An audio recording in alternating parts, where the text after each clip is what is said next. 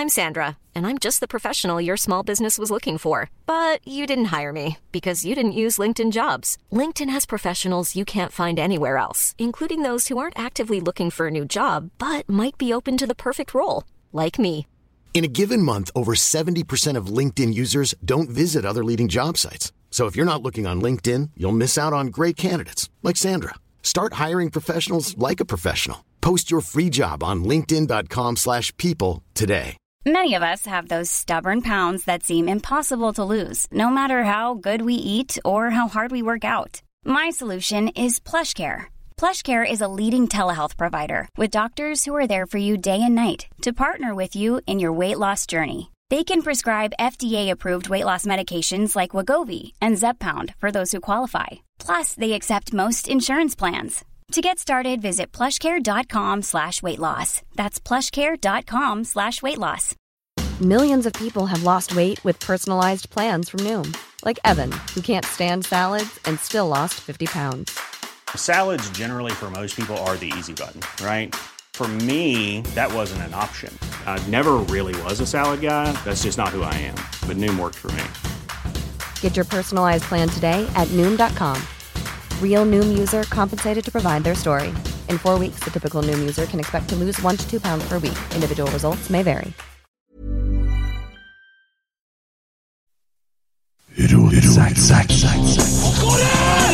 Oi, oi, oi, oi, oi! Vegard Heggen skårer! Og Rosenborg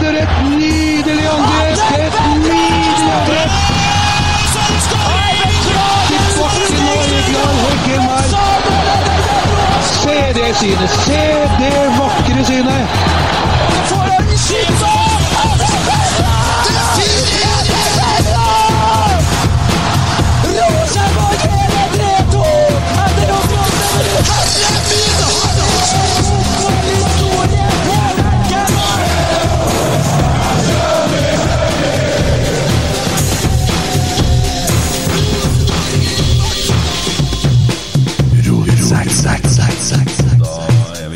du. Oi, oi, sjanse til Ja, det var, det var tidlig på her. Ja, men jeg er på her. Kjetil, skal ikke vi køddringe til noe? Skal vi ringe til Nolla og si at du Vi har måttet ha solgt deg til Kristiansund? Har litt artig, men Ja, eh, nå sitter vi altså og følger eh, mange fotballkamper samtidig. Og vi prøvde å finne en vikar for Emil Almås. Eh, Tommy hadde ikke tida. Vi sjekka med Geir. Eh, Roar Vikvang, ingen som hadde tida, endte opp med Kjetil. da Det, ja, Nederst på Ja, lista. Men ja. ja. Det må nå gå, tenker jeg. Ja da. Det er artig å følge med fotball. Ja, Hvordan har du det i dag, etter i går?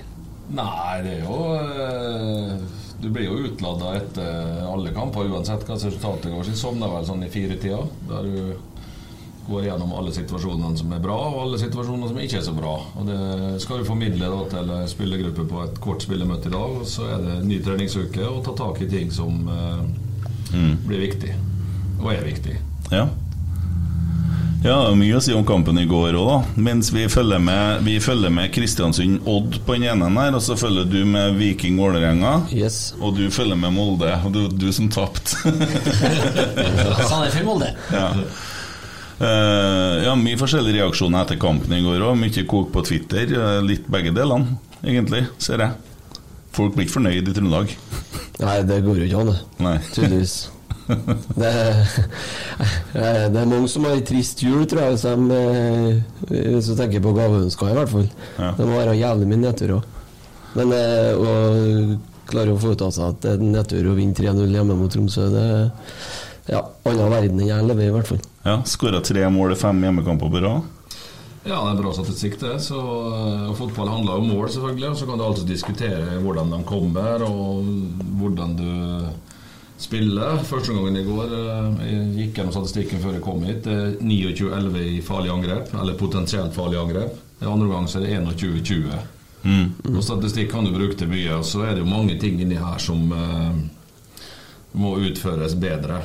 Så eh, ja, tallene lyver aldri. Nei. Så en sånn tabell av eh, første, første omgang-tabell. Hvis at eh, kampene har store stopper til pause, så Rosenborg leda tabellen.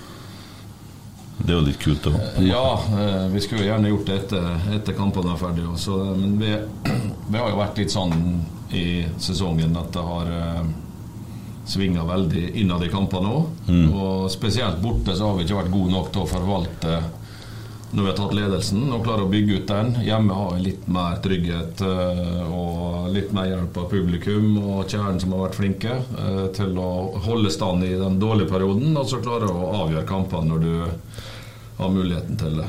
Ja. Nei, så jo, så jo går eh, til etter pause, så til andre gangen, så gjør jo han Gaute, som for så vidt er klin lik Emil uh, Bare så det er sagt. Det ser ut som bare Emil med filter. Ganske snodig. Uh, han gjør et grep, setter inn på to spillere, bl.a. Kamanzi, som vi kjenner litt fra før. da Og så kommer de jo litt mer opp i banen. Og det er jo sånn at uh, sjøl om vi heter Rosenborg, så er det jo motspill å ta hensyn til òg. Ja da, og vi, vi, så jo det. Uh, vi begynte å diskutere det etter et par minutter, om vi skulle speile dem, uh, så at vi kunne ha kontroll på kampen. Så prøvde vi uh, 10-15 minutter å se om vi Det er litt læring i det òg. Mm. se om vi klarer å håndtere det likevel. Det som ble problemet, er at vi ble undertallet på sidene, men vi har overtall inne sentralt, for vi har tre mot to der. Ja. og så ja, ble ikke toppresset på oss med Ole Brian like heftig. Så de begynte å spille seg ut og, og klarte å skape overtall bakfra. Og da hadde vi en spiller for mye sentralt og en for lite en annen plass. Mm. Og Derfor så la vi om til 3-4-3 og flytta laget opp igjen med en gang. Og det, da var det kontroll. Mm. Begynte å skape sjanser og, og fikk noen kontringer. Så ja, det ble, det ble sånn den gangen her. Ja, for kvalte jo kampen egentlig halvveis ut i andre gangen der. Ja. Da var det jo bare som å legge i lokk på den matchen der. Ja, ja, da. Og så er det jo Vi ønsker jo mer, da. Det er jo det vi snakka om i pausen. Nå må vi kjøre på. Vi må ha samme intensitet i press. Og straffe Tromsø hver gang du tar frem ballen. Få folk fort, fort fremover. Og andre ganger ta vare på ballen istedenfor å slå den bort. Vente på rette bevegelsen, ikke slå på den første, kanskje den andre og så videre og så videre. Så, men det kommer tilbake på det jeg har sagt hele tida. Vi er jeg skal si da, litt rustne underveis av og til. Men de, kort, de dårlige periodene har blitt mye kortere enn mm. enn tidligere i år. da Hvis vi tar noen kamper, så har vi vært en halvtime, en hel omgang i en skikkelig trøbbel. Nå er det liksom 10 minutter, 15 minutter, av og til 20 minutter. Men det blir mindre og mindre. Mm. Ja, Christer har jo laga en liten sånn uh, tredelt uh, sak som vi kan ta etter hvert. Uh, ser jo Kristiansund-Odd her nå. Kristiansund presser Odd ganske bra her. Nå kommer de jo til en ja, halvsjanse. Ja, Kristiansund er ikke noe dårlig lag. De har hatt en forferdelig sesong med enormt med skader. Mm. Og, og, det er jo en Jeg skal ikke kalle det for middelavsfarer, men det er en klubb med mindre stall enn mange andre. Og det er klart Hvis du er fem-seks mann ute, så det er helt naturlig at det vises. Mm. Og så har de hatt litt utur, og så har du sett det nå etter at de har fått folk tilbake. De holder 60 minutter, Åh, 70 minutter. i stolpen her nå. Vålerenga? Ja. ja. Ja, vi har trua på at Vålerenga vinner i dag. Ja, jeg tror Vålerenga vinner mot Viking. Mm. Ja, ja. Hva du sa du, Kjetil? Ja, nei, det Det med Kristiansund, da. Sånn som uh, de var ikke, Vi slo dem 3-1 på, um, på Lerkendal, og sjansestatistikken var 13-5, tror jeg. Mm. Uh, og uh, de skapte litt sjanser på oss og hadde bra, en bra prestasjon, men de sprakk. Mm. Og de hadde lite å komme med på slutten, uh, sånn sett, så Men det er klart det er tøft for dem nå, for nå må du vinne ni av 18 kamper. Ja. Pluss en uavgjort eller to for å komme opp på 30 poeng, og det er beintøft for dem. Men det er noe med dem, da. Det, den mentaliteten de har i Kristiansund. Får du litt trøkk på det og får litt Der skårer de. Der skårer de, ja. ja. Det er ikke noe overraskelse. Nei. Bendik-by, eller? Ja, de har starta i fyrverkeri her. Og Så er jo spørsmålet nå om de klarer å forvalte dette ut, da. Mm. De har leda mot Lillestrøm til det var et stykke ut i andre omgang. Leda mot Viking i, i ett minutt sist og fikk eh, tapte på slutten. Så de har Ja. vært nærme poeng eh, mange ganger. Så får de litt flyt og litt flaks i den neste runden og Mm. klarer å vinne den kampen her, så kan de melde seg på, da. Men Ja. det, som vi sa, de må vinne ni kanskje av 18 kamper. Det er bra heading òg. Ja, vi skal jo dit 2. oktober, så får vi håpe de har eh, slukna lysene, slått av lysene til da. Oh, frekt frispark fra Sandefjord der. Jeg er med, Årsø. Ja, du er Ja, er bare med. følg med. Men det tok ti minutter før jeg skjønte at det var Molde spiller jo ikke blått. De spiller hvitt. Så jeg skulle til å si det var frispark til Molde, men det er jo hjemme Sandefjord. Ja. Den susa rett over. De har ikke noen strøpaller. Du kunne jubla for feil lag her, du, skjønner jeg. Men eh, jeg sitter og kikker på Vålerenga og Viking, så jeg tenkte jeg skulle flette inn et eh, spørsmål. For Vålerenga har klassisk 4-3-3 i Fagermo-fotball. Viking har i dag lagt om til trevekstlinje. Kan du si litt om forskjellene? Altså Hvorfor velger Lunde Årsheim og Jensen å legge om til tre bak, kontra Ja, å spille en firer? Ja, du, I høyt press da så tar du ut begge stopperne med spissene dine. Så har du en, eh, et anker, eller en midtbanespiller som går opp og tar opp anker til Vålerenga. Så du nøytraliserer egentlig oppbygninga til spillet. I tillegg da så har du dekning på sidene. Du har Sarawi som en god dribler. Hvis han blir isolert med en motstander én mot én, Mm. så kan du få trøbbel. Eh, Mot oss så prøvde de seg på sidene. Da hadde de Dønnum og um, Sarawi. Kom ikke gjennom en eneste gang. Og ble, da en- endte opp med å spille foran oss. Ja. Så eh, å kneble en 4-3-formasjon er rimelig enkelt. Mm. Forsvarsmessig. Ja. Ja. Der ser du mannsverk eh, Molde på Vi har mange skjermer her, vet du. Åh! Den fikk jeg med meg. Svigersønnen min som Eller po- potensiell svigersønn som hadde den sjansen der. Ja, er ja de er ikke gift ennå? eh. Nei, de er ikke det. Nei. På tide de finnes en annen klubb. Er ikke han Bossmann-spiller, forresten? Jo, han er det. Inne i Ja, Belgia eller noe sånt? Ja. Ja, han har lyst til å prøve seg ut, da. Så Ja. får vi se. Ja. Kunne ha tatt et steg opp geografisk, om ikke annet. Jeg kan spille for noe. Er det høyre Venstreback. Venstre wingback. Ja, å ja. Der har vi jo god kvalitet, syns jeg. Ja, men det skal ikke ha to, vet du. Nei, de skal det ikke. Men jeg har jo ikke gjort seg bort en uh, Han uh, Tagsetten? Tagset heller, da. Noen, eh, jeg husker jo når vi starta sesongen, så tenkte jeg at det kom til å bli vanskelig for Nadrian å ta plassen. Da var han jo Tagset dritgod. Det var jo ingen grunn til å sette ut en Tagset etter første kampen oppe i Bodø, her, i hvert fall. Nei. Nei, men du må, Vi må huske på historien her. da ikke sant? Han, eh, Adrian kom fra PAOK, var det vel. Hadde spilt lite. Mm. Ble skada helt i starten her. Uh, og ja, 1-0 Viking. På kontring. ja. Oi! Solbakken, Solbakken, faktisk. Ja. Jøss. Se det, ja. ja, det er mot spillets gang. Ja, de har jo ikke vært borti ballen vet du, de første Nei. ti minuttene der. Vålerenga har jo Det er brudd ser, også. nå ser du da det som vi snakka om. Her har du da to spisser som ligger på to stoppere og får rom når du bryter gjennom og får kontring. Oi, oi, oi. Men jeg, jeg sa det vel før i dag at altså, Viking uten, uten Berisha, uten han Tripic, og så skjer det noe med laget på samme måten som det skjer med lag som blir redusert til ti spillere, at resten mobiliserer litt ekstra. Ja. det, her, Kanskje det, så det var, dette er jo tilfeldig. da, ikke sant? De burde ligget under. før Vålerenga hadde heading i stangen. Men her ser du rommene du får. da, for at Ja. du, du har igjen nok folk på topp. Og hvis du klarer å, å ta ballen fra motstanderen, så har du kontring med overtall. Altså, elendig forsvar. Ja, kjempesvakt. Mm.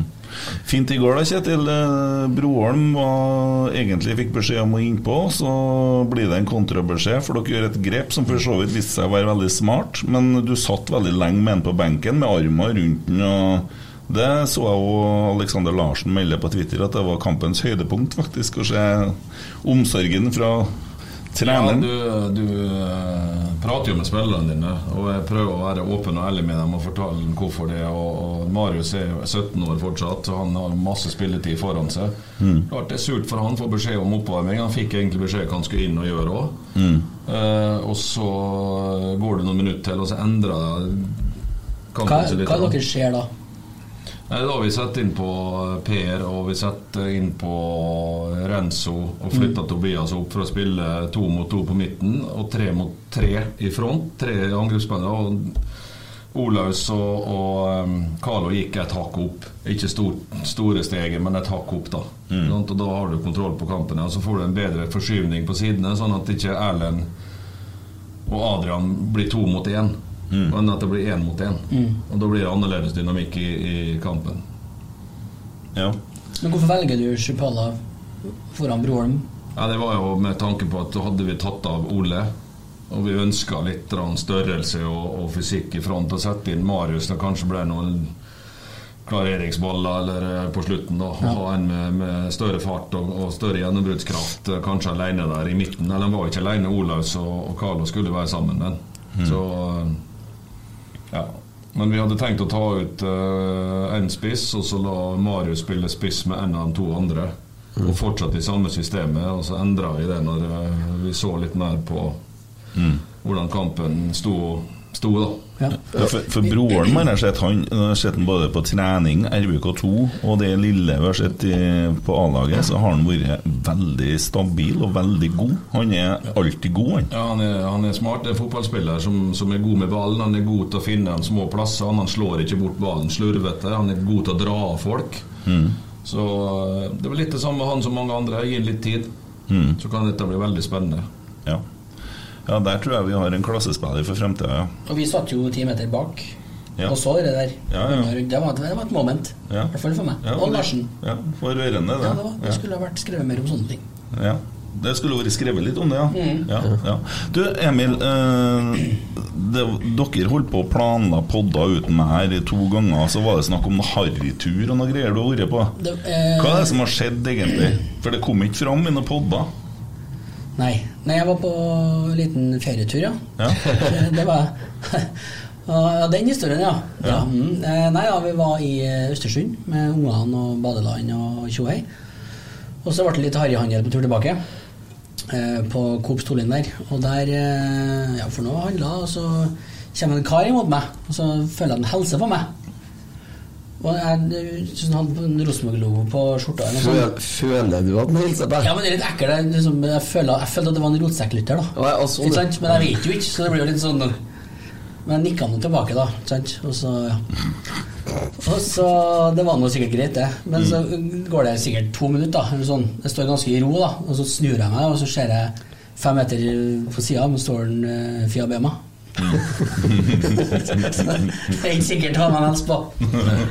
Men etter det igjen, da, Ja. så kommer det jo en video som du fikk tilsendt. Jeg fikk en eh, snap av at noen har filma deg. du Står og pakker harryhandelbil, ja. Ja. Så det var sikkert en Så får man Rosef-fan. verste storsmugleren, vet du. Det var sikkert en, eh, en liten lall, da. Men du, i går da eh, Så var for så vidt en, Så hele dagen i går Jeg parkerer her vi bruker Og så går jeg, det er fint vær Går en tur bort på Nils Arnes plass eh, Og hilser på en Erik Som gjør en bra jobb på fanzone Arne, ja. ja, og snakker med en Geir Island, trivelig tørre vaktledergjengen som styrer litt med det frivillige. Og sånn, syns jeg dem òg er bra, dem som står der og jobber. Og, Ja, ja, for ja.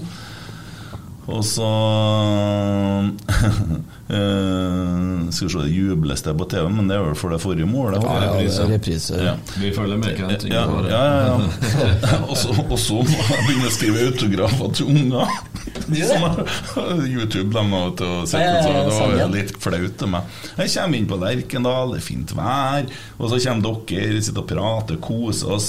Sånn småartige kommentarer under kampen. Ikke sant? Og hele dagen var egentlig en fantastisk fin opplevelse. Ja, det var en bra dag i går. Ja. Sol og Lerkendal og seier, det, det er helt magisk. Ja, vi vinner 3-0. Vi har 2-0 til pause. Jeg følte meg rolig, faktisk. Ja, det var deilig i går altså, at vi, får to, at vi fikk 2-0 før pause, så vi liksom får, får roa ned litt. Det er én ting som var dumt i går. Jeg tippa på egen spiller. Jeg bruker ikke å tippe på Rosenborg, for at det ødelegger litt kosen. Og så tippa jeg at Erlendal Reitan skåra to eller flere, og 200 i odds. Og så skårer han faen meg! Og det var liksom første reaksjon når han skåra, var sånn Hæ?! Eh, og så ja, hadde jeg jo litt lyst til at han skulle skåre en gang til. da. Det var 12 000 i Ja, det kunne jo blitt 60 kroner, som ble til 12 000. Ja. Men ja, ja. Nei, men det har, det har jo vært eh, to siste årene her nå, det har jo vært rimelig lave tall på børsen på han, så det var, jo kult at han fikk seg en sånn opptur i går. Ja, uten tvil. Herregud, så Så to tidligere Rosenborg-spisser i vill krangel der på Fredrikstad-Sarpsborg. Eh, Molins og Søderlund. Ja, de var uvenner, ja. Ole begynte litt Oi, med oi, oi. Oi, Der der var der det smalt, ja. Sarpsborg 1-0. Ja. Det ble det. Hva vi vil ha der, da? Vi vil vel ha uavgjort, egentlig. Alle Ja, kampene. Ja, alle de bak. U er fint. Ja. U er fint. Sarpsborg har Lillestrøm hjemme neste helg, den. Ja. Den kan han få lov å vinne. Ja, det er greit. Heller den, ja. Alle som spiller mot Molde og Lillestrøm, kan vinne. Ja. Og Det gjelder ikke bare i år, det gjelder egentlig hele tida. Og Bodø, så lenge det ikke er Molde eller Lillestrøm som spiller mot dem. Hva skjedde med måsene på Lerkendal i går? Kom, Kom kom, de? kom de med, med Tromsø-flyet, eller var det Jeg vet ikke. Men det er ikke så mye måser alltid i Tromsø. Det er vær i Haugesund. Ja, det er faktisk det. Ja. Men det var alvor i går, ja. Ja, Gutten og han kompisen som var med meg, de var litt opptatt av at vi trodde vi var ferdig med de måsene, for vi har jo møtt Haugesund i år, Skjem. Ja. ja, ser det på Sandefjord. Ja, det er det er glistent. Det er glistent, ja. Men det er nytt frispark til Sandefjord. Det er Molde som har hatt kampen, egentlig, også, men det er jo ja. Det gikk ut til Jeg har ikke noe å si, det er mer ufortjent. De taper, jo bedre. Ja. Ja, hva var det egentlig vi var snakke om, da? Eh, Rosenborg, ja, sikkert. og så får vi et mål fra midtbanen i går, da. Det er ikke så Ja. ofte. Nei, vi har vel tre til sammen på en halv sesong. Ja. Så det, det tallet må opp. Mm. Og så hadde vi ikke noen dødball ja, Vi har hatt et frispark og et straffespark da før vi skåret tre mål på corner mot uh, Jerv.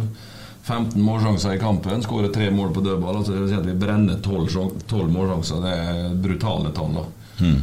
Ehm, Da har vi jo halvparten av målene på etablert angrep. Det er vel mange som ikke vil eh, akseptere det når vi sier det, men sånn er det jo faktisk. Vi skal, ta, vi skal ta gå gjennom den statistikken min nå. Ja, Du kan jo kjøre litt på det, du, Hjemme, Kristin. hjemme, hjemmeleksa mi for, eh, for uka her. Så han, For, han eh, jobber på NTNU, han skjønner du. Ja, ja, ja. Så Bruker, det- bruker rutapapir der, vet du. ja. Eh, hjemmestatistikken er jo 5-2-0, ikke sant? På de første 15 nå. Oi, Eh, Kristiansand.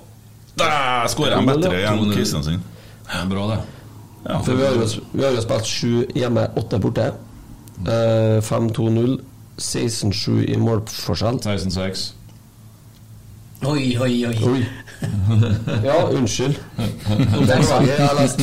Sensoren sitter her, så det presset det Og så kan jeg si at oppgi Når jeg brukte VG som kilde av enkelhetsgrunn, egentlig. Eh, vi har skapt 48 målsjanser, som VG har telt, i hvert fall. Og vi har 23 imot på de sju kampene. Eh, vi har jo et poengsnitt på 2,43, og det er jo eh, Det er en stund siden vi har hatt den hjemmestatistikken her på Lerkendal. Altså. Må tilbake til 2015, tror jeg. Kanskje. Uh, og målsnittet ligger jo på 2,3 per kamp, og nå har vi jo skåra tre mål i fem hjemmekamper på rad. Så det begynner jo å bli pent. Mm. Så det er jo å slippe inn under ett mål i snitt, og hjemmekampene hjemmekampene er jo solide. Mm. Så, men jeg gjorde en litt sånn øvelse med de første 15 kampene, så har jeg egentlig delt opp det litt i tre bolker. Vi skyte inn at vi har nøyaktig like mange poeng i år som vi hadde i fjor, Yes. etter 15 kamper. Men i fjor så var vi på nedadgående kurve. I år så er vi på oppadgående kurve. Ja, Det er det som er litt interessant. skjønner For Ja. at det som er Hvis du følger VG-statistikken her, på, for de teller jo sjanser og sånt Vi har skapt 78 målsjanser etter de første 15. Og hvor mange skapte vi i fjor etter de første 15? Ja, det vet ikke jeg. 78. Ja. Men kurven peker feil vei på de siste 15. Mm. Og på de første, seks, nei, første fem kampene våre så har jeg delt opp det i femmerbolker. Ja. Så spilte vi mot Glimt borte, Odd hjemme, Sarpsborg borte, Molde hjemme, Godset borte. Og da har vi seks poeng, fire-seks i målforskjell og 26-26 i sjanser for, sjanser mot. Mm. Ehm, neste fem kampene er Sandefjord hjemme, eh, HamKam borte, Haugesund hjemme, Vålerenga borte og Lillestrøm borte. Mm. Der har vi åtte poeng, 12-7 i målforskjell. Skapt 30 sjanser for, sluppet im- 23 imot. Mm. Så der vil jeg si at da peker pila riktig på begge. Mm. Og de siste fem kampene så har vi Kristiansund hjemme, Viking borte, Jerv hjemme, Ålesund borte og Tromsø hjemme. Eh, 11 poeng, 10-5 i målforskjell, 32 skapte sjanser og bare 17 imot. Mm. Så de, altså, det peker jo rett vei her, da. Ja. Dæven for en sjanse til Molde her. Ja. Med stolpestanga, tror jeg. Ja. Det ble ikke mål, da, heldigvis. Så det er jo litt interessant når man faktisk begynner å se litt på tallene, så er det jo Jeg også har jo prøvd å gjort den eh, Prøvd å gjort en sånn hvordan vi skaper, skårer målene våre.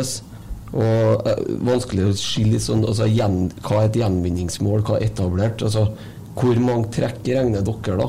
Etter for at det Begge deler. at Du kan ha et etablert angrep som du setter i gang fra keeperen, som bruker fire pasninger på. Mhm. Og så kan du ha et etablert angrep som tar 20 pasninger på. Ja. Det, det lengste etablerte angrepet vi har skåret mål på, er det første målet i Bodø. Mm. Det er over 20 trekk der vi vender spillet to ganger. Ja. Til slutt så blir det et innlegg der vi kommer i overtall i boks, og så blir ballen lagt ut til Tobias som skårer. Den, eh, Oi, det var Vålerenga fryktelig Ja, nært. Ja. har- Viking har nesten ikke ball, de, altså. Eh, men eh, sånn som Ole Sæter sitt mål mot Kristiansund, ja. Eh, Fem meter fra Andre Hansen, så spredt gjennom. Ja. Det er jo sånn Gråsone. Ja, men i utgangspunktet Altså, det andre laget er jo etablert. Ja, ja. Så man kan jo si at det er et mål mot etablert forsvar. Ja. Men i hvert fall det jeg har funnet ut, er jo at vi har tre dødball, fire dødballmål da ble jeg med i den i går. Sånne rene dødballskåringer. Det er jo tre cornerer og et frispark. Og så har vi ett straffespark. Noe som er for lavt, i hvert fall ut fra de kampene jeg har sett. Ja. Mm. Vi burde i hvert fall hatt en to-tre til. Og så har vi tre frisparkmål. Eh, fire kontringsmål har jeg, da, men nå mulig at jeg teller litt feil i forhold til altså, korte videosekvenser som ligger ute. da. Og eh, så har vi jo noe langskudd, blant annet. Jeg har satt det som en egen kategori, for jeg ligger glad i langskudd. Ja. Men da har du Ole mot Vålerenga, så har du jo en eh, Det var jo mot, Bo, mot Bodø, så hadde vi jo langskudd. Ja, Og Sam Rogers hadde langskudd. Det var den, Ja, ja. Det var den kategorien. Ja. Børkeid sin del mot Bodø-Glimt ligger under etablert spill mot etablert. Okay. Og resten er jo spill mot etablert. Ja. Og da, så du er jo på godt over 50 ca. Så Otto Ulseth, som klarer å klemme inn et dårlig tilfeldig angrepsspill, det kan jo ikke stemme. Nei, det klarer klart ikke det. Men altså, det kan bli bedre, og det, og det må bli bedre. Ja. Altså, det, Jo, men det han sier, Christer, det er jo at det blir jo bedre hvis Ja, du ja, deler det i fem og fem. Vi ser jo på dette hver dag, og vi, vi trener på treningsfeltet hver dag og har en, eh, et utgangspunkt som vi starta med i januar. Eh, og så vet vi hva som er forventningene til, uh, til Rosenborg, og så vet vi òg hva historien til Rosenborg er. Og du kan ikke forvente at den troppen som er her nå, ganske fersk sammensatt, mange unge spillere i starten av sin karriere, skal spille på samme nivået som Rosenborg gjorde i storhetstida si i dag. Men at det, vi kan nærme oss i eh, tida som kommer fremover, det er jeg overbevist om. Og det er oppdraget Ny enorm sjanse til Molde, eller? Tverrliggeren? Jeg får meg rart å sitte to plasser unna, ser?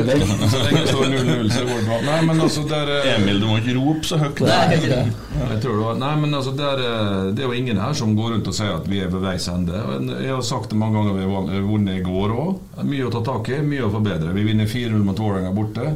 Mye å ta tak i, mye å forbedre. Og det har jeg jo sagt hele tida. Eh, vi adresserer det, og vi jobber med, med det hver dag. Og så er det jo Det er jo et ord som går igjen her, da. Gjenkjennbare angrep. Mm. et lag som forsvares med en femmer bak, gir bort annerledes rom enn et lag som forsvares med fire bak. Det betyr at noen soner som du angriper i én kamp, de er låst i en annen kamp. Det betyr at du må finne andre rom. Og Det beste eksempelet på det når Bodø-Glimt- lag mot Bodø-Glimt begynte å spille 3-5-2, så begynte de å låse av indreløperne deres og, og stengte bekkene deres isolert på ei side. Da ble løpsmønsteret til Bodø-Glimt mye mer komplisert og mye mer vanskelig. Haugesund. Oi, oi, oi. Deilig. Den var, 1-1. det Ja, uavgjort der. Det er Perfekt. det. Og, det, og, det, og Da må du identifisere de rommene som er Du må skape de rommene først, og så må du identifisere de rommene, og så må du ha bevegelse mot og bevegelser bevegelse andre veien. Motsatte bevegelser som gjør at du får Og så må du velge riktig, da. Det er sant? Av og til så blir du slått i bakgrunnen når er, det er en som starter i bakgrunnen for å skape plass. Så kommer en og møter i mellomrom som får masse rom. Da må du bruke riktig spiller. Blir du ikke fulgt i bakrom, ja da så bruker du det, for da er det direkte. Fremoverretta, full fart. Og Dette er jo en ting vi driver med hver eneste trening. Alle øvelsene vi gjør, er satt opp relasjonelt. 1-1 Vålerenga. Yes. Bra. Nydelig. Sarawi. jeg hjel- hjelpe på litt her. Ja, det var fint Hva er han fra Løvenes konge? Sarawi! Jeg så Løvenes konge i går. Det er fem mot ett mål der. Det er Tre lag som ikke skal vinne, noen som ikke leder. Det passer bra, det. Men jeg mener den, med det vi har hatt størst framgang på i år, kontra ja, egentlig langt tilbake, det er presspillet vårt. Gjenvinningsspillet vårt har blitt eh, veldig, veldig bra. Og så sliter vi litt i perioder når at øh, ja, sånn som i går virker som at de Ålesund borte Forresten spilte jo egentlig jævlig bra første halvtimen mot Ålesund, fem, første 25. Og så bare virker det som de er litt sliten på topp der. Og så detter vi litt i intensiteten, eh, og så og, da, og da synker vi liksom litt langt tilbake igjen. da Enig i det. Og det, og det jo det når du Nå kan jeg ta når vi begynner i januar. Så ser vi det at sånn som vi eh, ønsker å spille, med stort tempo, stor intensitet, enorm forflytningsevne, høyt i banen med mye folk, da må du ha løpskraft, intensitet, som går begge veiene.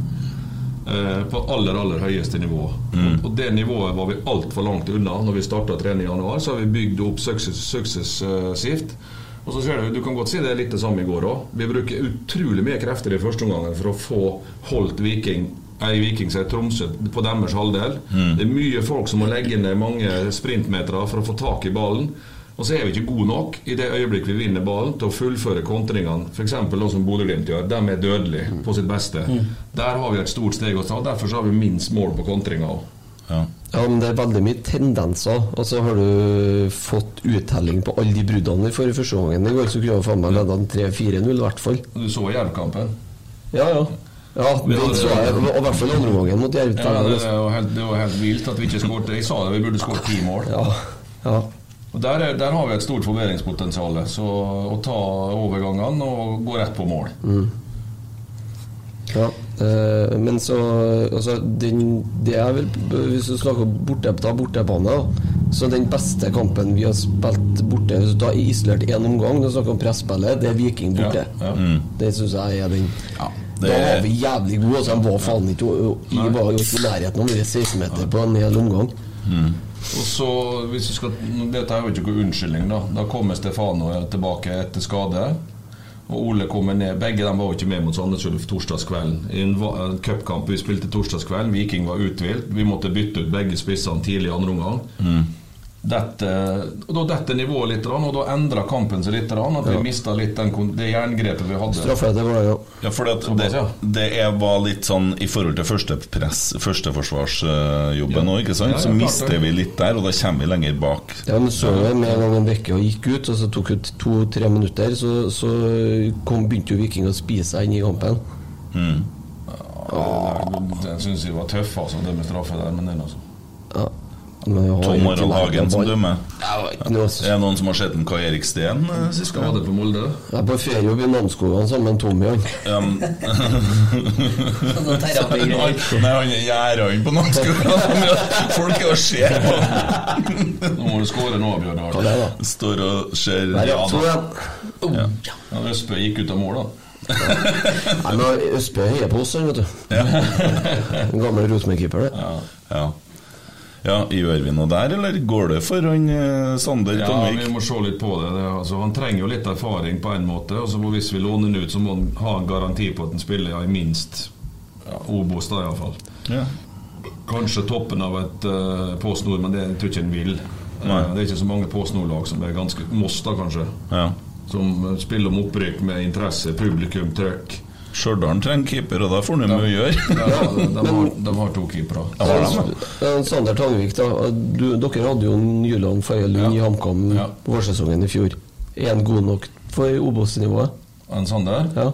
Ja, det vet du ikke. Han har stått tredje divisjon. Ja, hvis han eh, etter hvert så vinner det. Ja. Det kan godt hende at han klarer det fint, men altså, det, det svaret får du ikke før du har eh, sett at han får prøvd seg litt. For det er annerledes. Tredjedivisjon er tredjedivisjon. Vi, vi får nok å gjøre der, og vi ligger jo utsatt til, selvfølgelig. Men eh, at han eh, hadde hatt godt av å få prøvd seg på et høyere nivå, det er uten tvil. Ja. Akkurat nå så er faktisk tabben ganske behagelig i forhold til runder, ikke sant? Uh, ja. Som det står seg, jo. Ja. Du mangler vel et uh, Sandefjord-mål. Ja, vi fire dine sitter og venter på et eller nå. Ja. Og er bestilt. Hjemme til Vålerenga.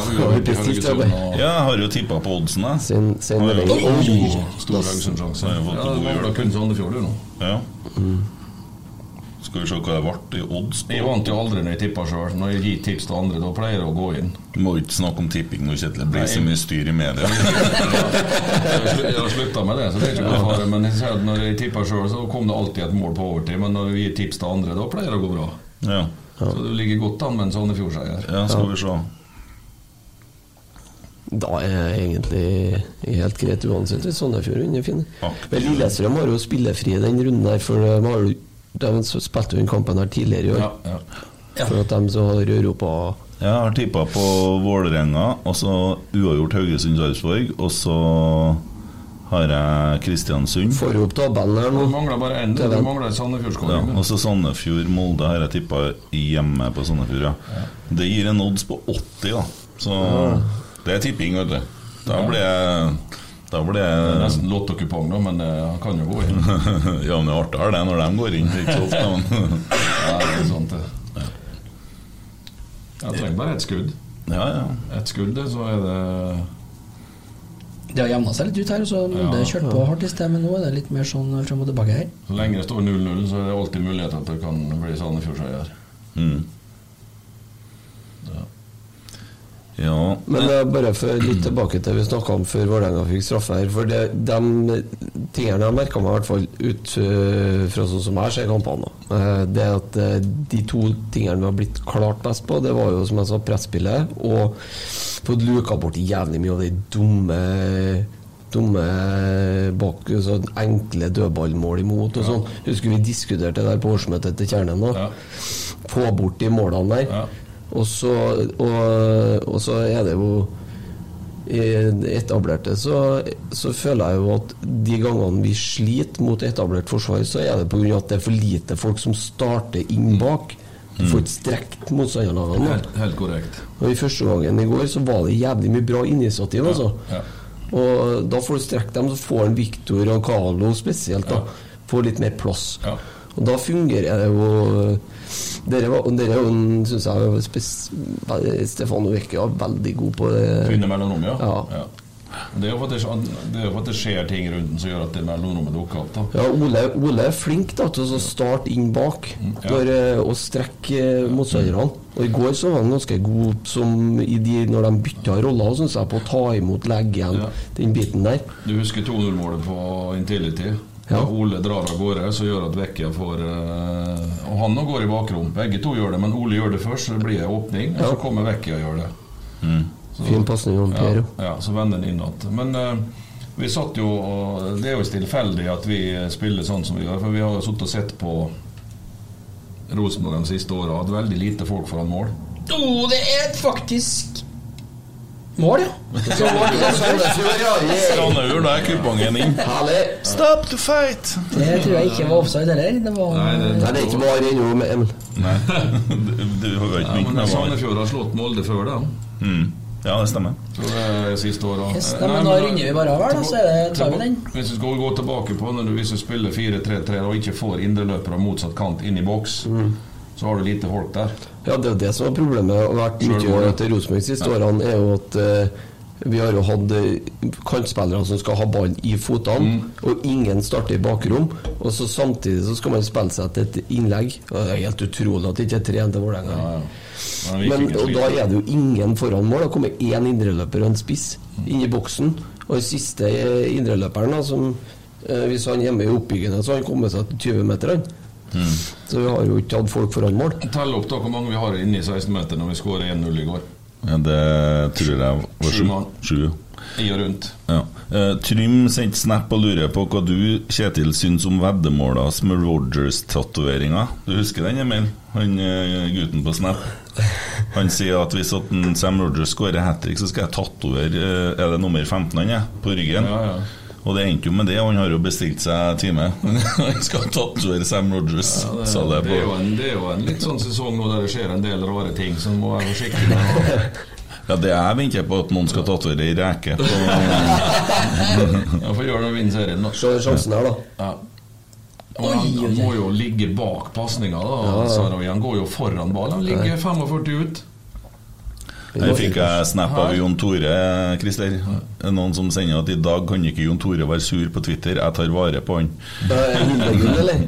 Hæ? Det er Hildegunn? Eh, nei. Nei.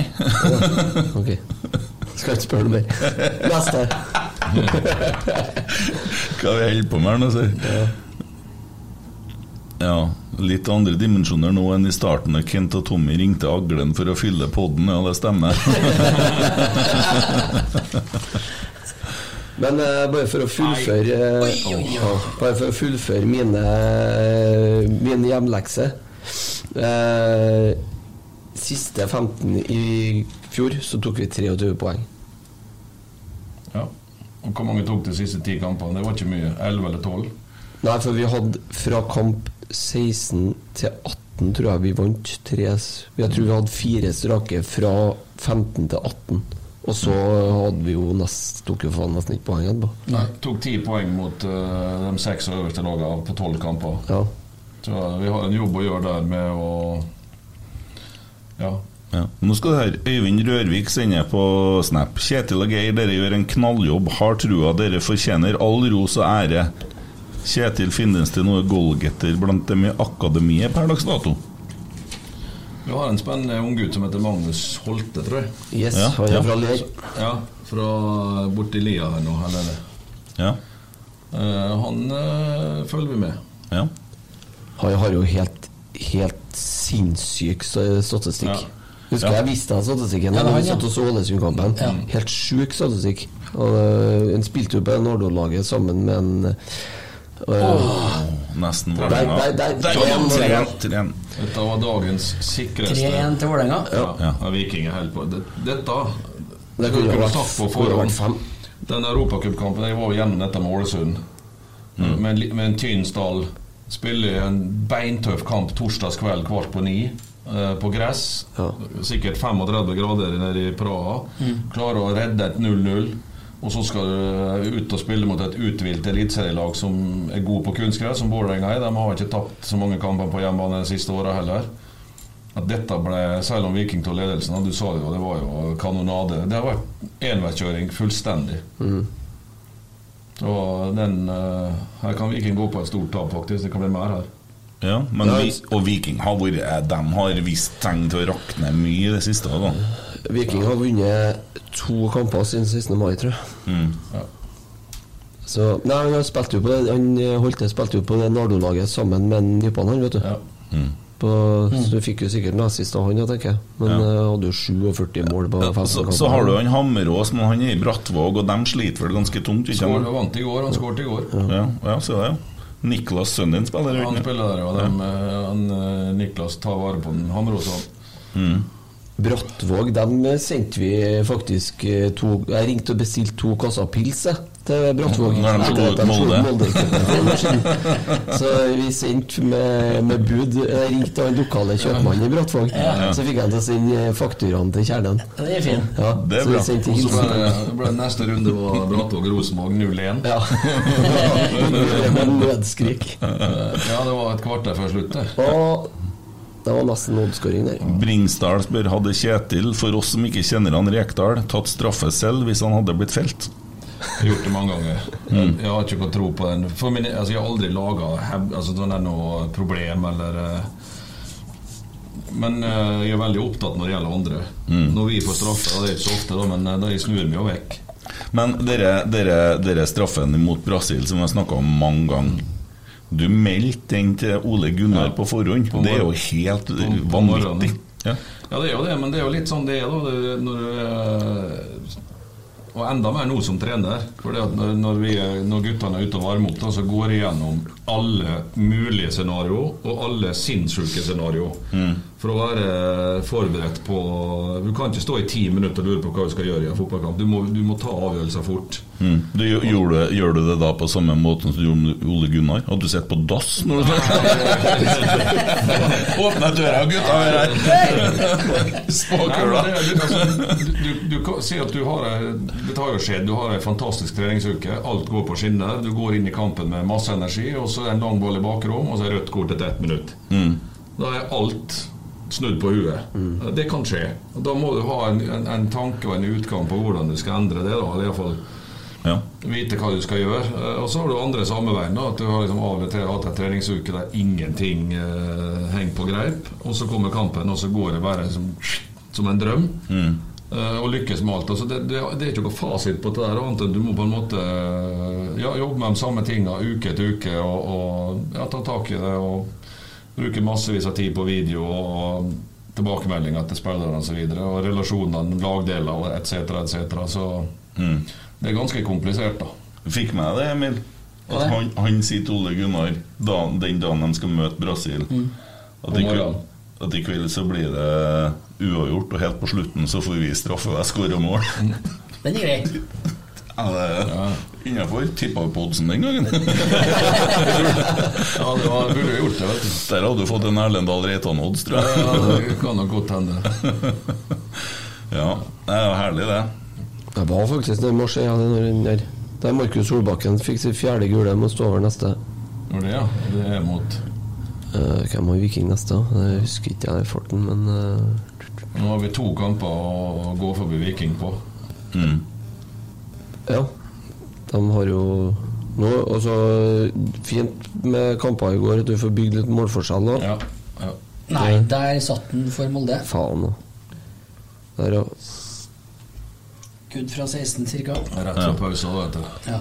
Eh, så spør Er du som har telefonen så nært mikseren at du klarer å ta inn? Ja. Jeg tror det. Eh, Eva spør hvem av dagens RBK-spillere minner han mest om seg selv da han spilte? Spillermessig, først og fremst. Jeg tror jeg vil si Markus Henriksen. ja. Han er treg, han òg. Ja, han, han, han har vært god i år. Han har vært meget god. Han burde vært aktuell for eh, landslagstroppen igjen. Han spiller feilfritt nesten hver eneste kamp. Ja, ja, for, ja, og det tror jeg faktisk at jeg kan være enig i. At han minner mest om deg. Du var ikke så kjapp, men du var toppskårer eh, for landslaget. Ja, jeg skåret mye mål. Det hadde lysten til å være med frem. Jeg begynte jo som spiss, vet du. Mm. I yngre, så jeg, var, jeg kom til Molde i 84, så var det Hans Bakke som satte meg ned på midtbanen. Mm. Så da ble det litt lengre vei frem, men jeg klarte å beholde den, eh, ja, den lysta til å skåre mål. Så, eh, og sånn som Markus spiller nå, så kan han spille i fem-seks år til. Ja. Så Ja, lenge han holder seg skadefri. Ja. Og ikke du som snakka om Christer når Jostein Flo og det greiene der? Ja, Jostein Flo hadde noen greier på Heia Fotball. Ja. Mm. Det var etter eh, Hva var den historien? Jo, den tror jeg var det fra den kampen på Wembley, jeg tror. Det 1-1-målet. Og Jostein? Ja, det var noe med at dere var romkamerater og et eller annet. Ja. Så sa han, for han skrøt av det, at uh, du var den garantert den i Norge med størst, eh, største vinnerskallen i Norge, sa han. Eller i hvert fall den som alltid Som ikke la seg ned på senga og ble fornøyd. Nei. Og så refererte han til at etter kampen så, så hadde han eh, spurt om du skulle være med ned og ta null. Nei takk, jeg var ikke så fornøyd med Nei, det er riktig, det. Vant ikke kampen, så den Ja. eh, det der, står det der er jo Jeg skal fortelle en historie fra barndommen. da altså, Vi hadde jo en pappa som trener, og han var jo gæren, selvfølgelig. Men da var det jo blitt mål her.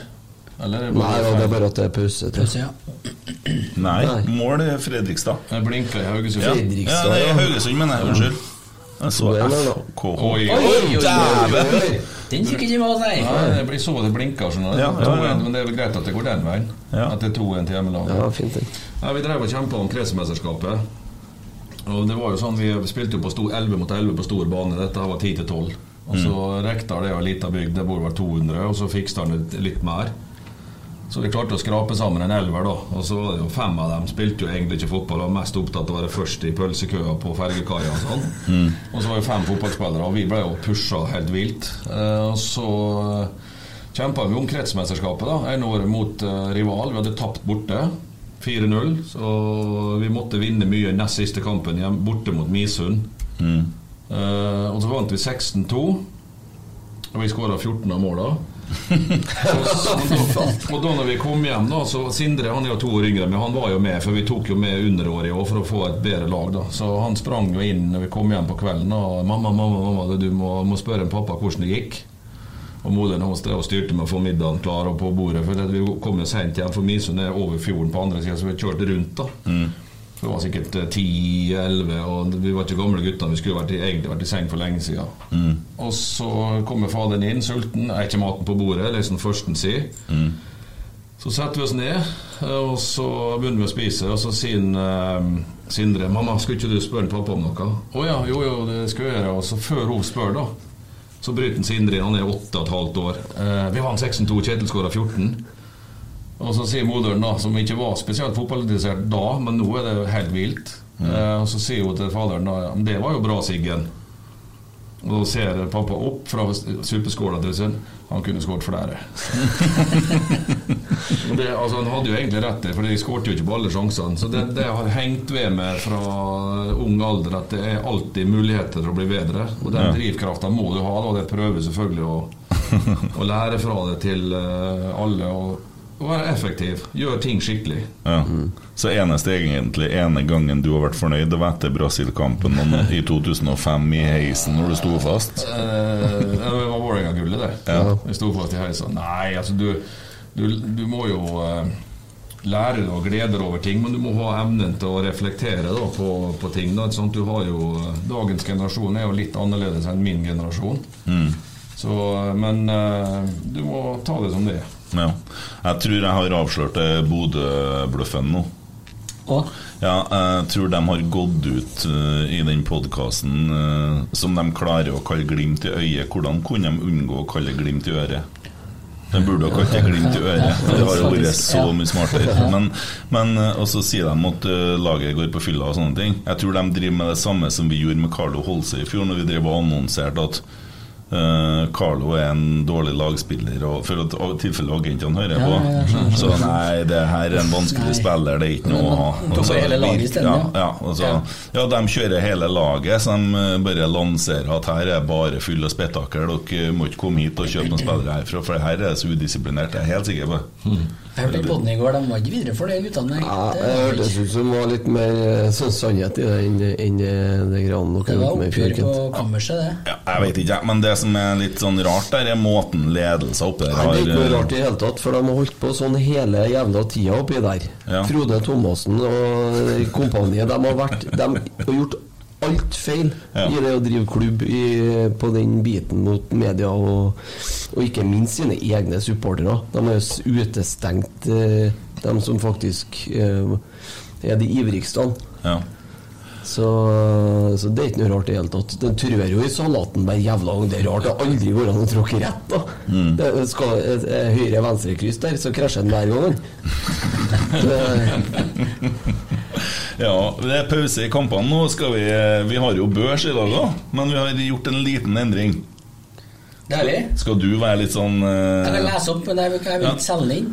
Nei, uh, Nei, sted vi, må, vi, må, vi må sende en hilsen til Tommy òg. Ja, Tommy har gjort en fabelaktig jobb her. Og I stedet for å ta spillerne, for det er jo dagen etter kamp og sånn, så fant vi ut at vi skal sette børs på fotballeksperter og journalister.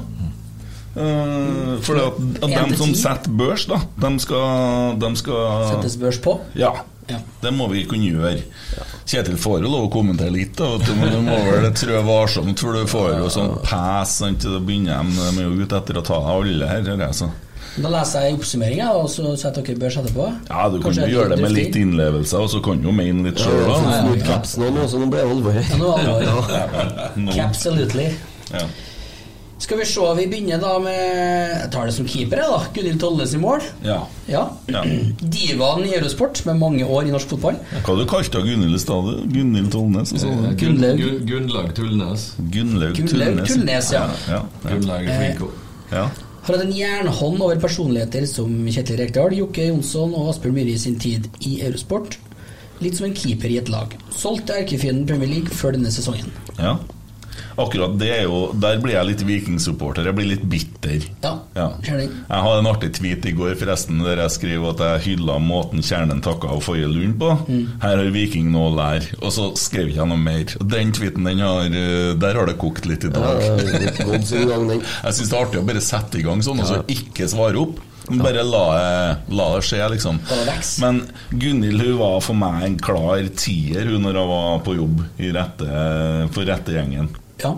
Og, og, og du òg, du jobba jo sammen med henne i mange år. Ja. Gunhild var flink. Hun var, eh, Ja. har litt kontakt med henne av og til. Så eh, og Samboeren hennes han, han trener jo Kongsvinger. Ja, stemmer. Så av og til så prater vi litt fotball. Ja. Jeg sier meg enig, jeg også, Christer.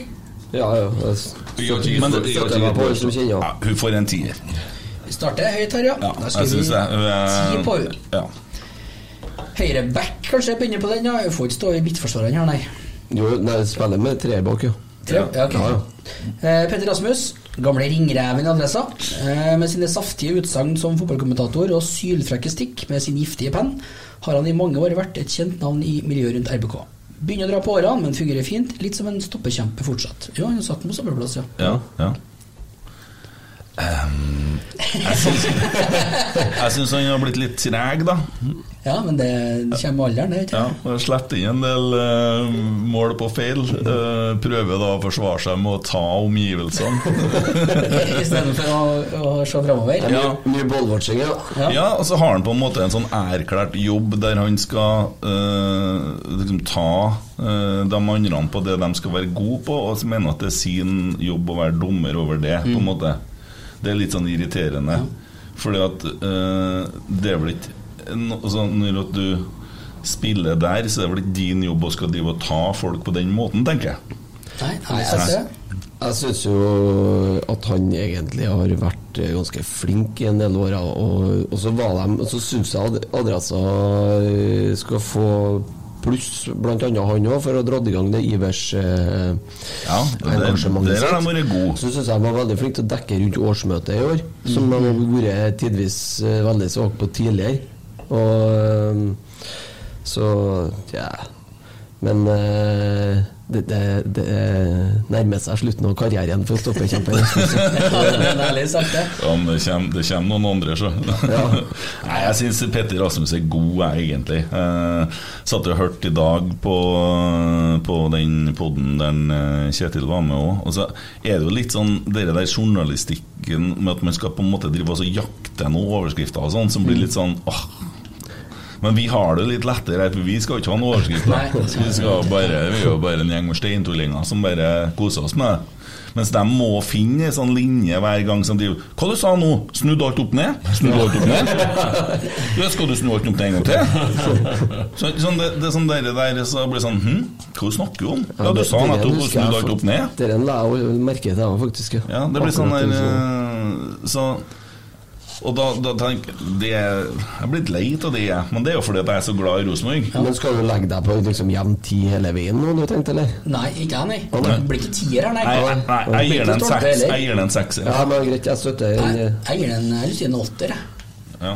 Nei, du, Han skal få, sju, han pluss for den serien hans på TV-adressa. Det Ja. likte jeg jævlig Ja, fin.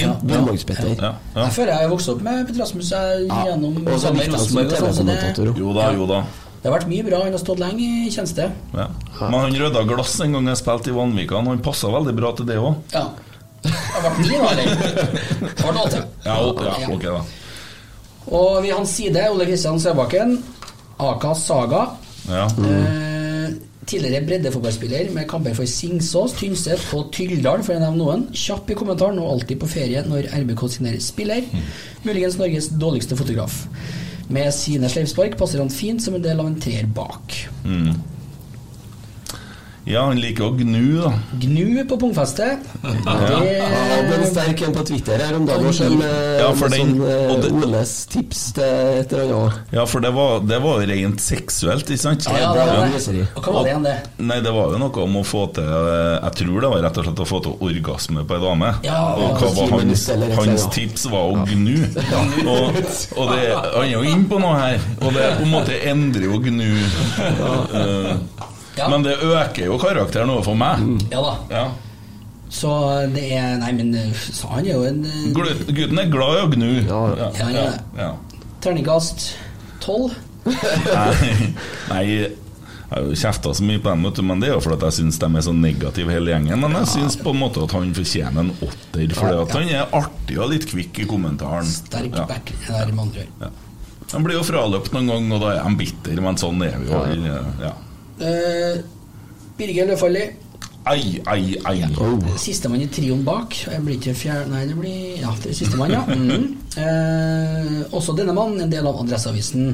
Eh, kommentatoren i Adresseavisen med en treffprosent under Krogseter-nivå, som har truffet bedre som forfatter av bøker som RBK og Norges Fotballforbund. Får likevel plass i Forsvaret etter å ha glimtet til på trening i 2012. Ja, Hvis ikke han leverer bedre enn det, men skrev med Markus her for 14 dager siden Ja, det, det, er stolpe. da er det var stolpe. Da er benken, ja, Altså, hadde jeg vært trener til laget, her, så hadde ikke han spilt. Han satt på benken. Ja, er helt enig. Ytterst utpå. Ja. Ja. Nei, siste tids prestasjoner kvalifiserer kvalifisere til en treer for min del. Ja, for én fra meg. Ja, for her er det Ja. fotballorientert, ikke Jeg ski. irriterer meg grenseløst, og det er én ting det handler om, å få folk til å klikke inn på saken. Stygge ting skal bare være negativt. Gjør ikke noe bra for Rosenborg. Det handler bare om dem. der Og de der er til Rosenborg, skjønner jeg ingenting av. Nå var dagens sag i gang. Ja, men jeg blir så drita lei, for det er så ekstremt, og det er frekt, og det, det, det mangler noen ting. Ja.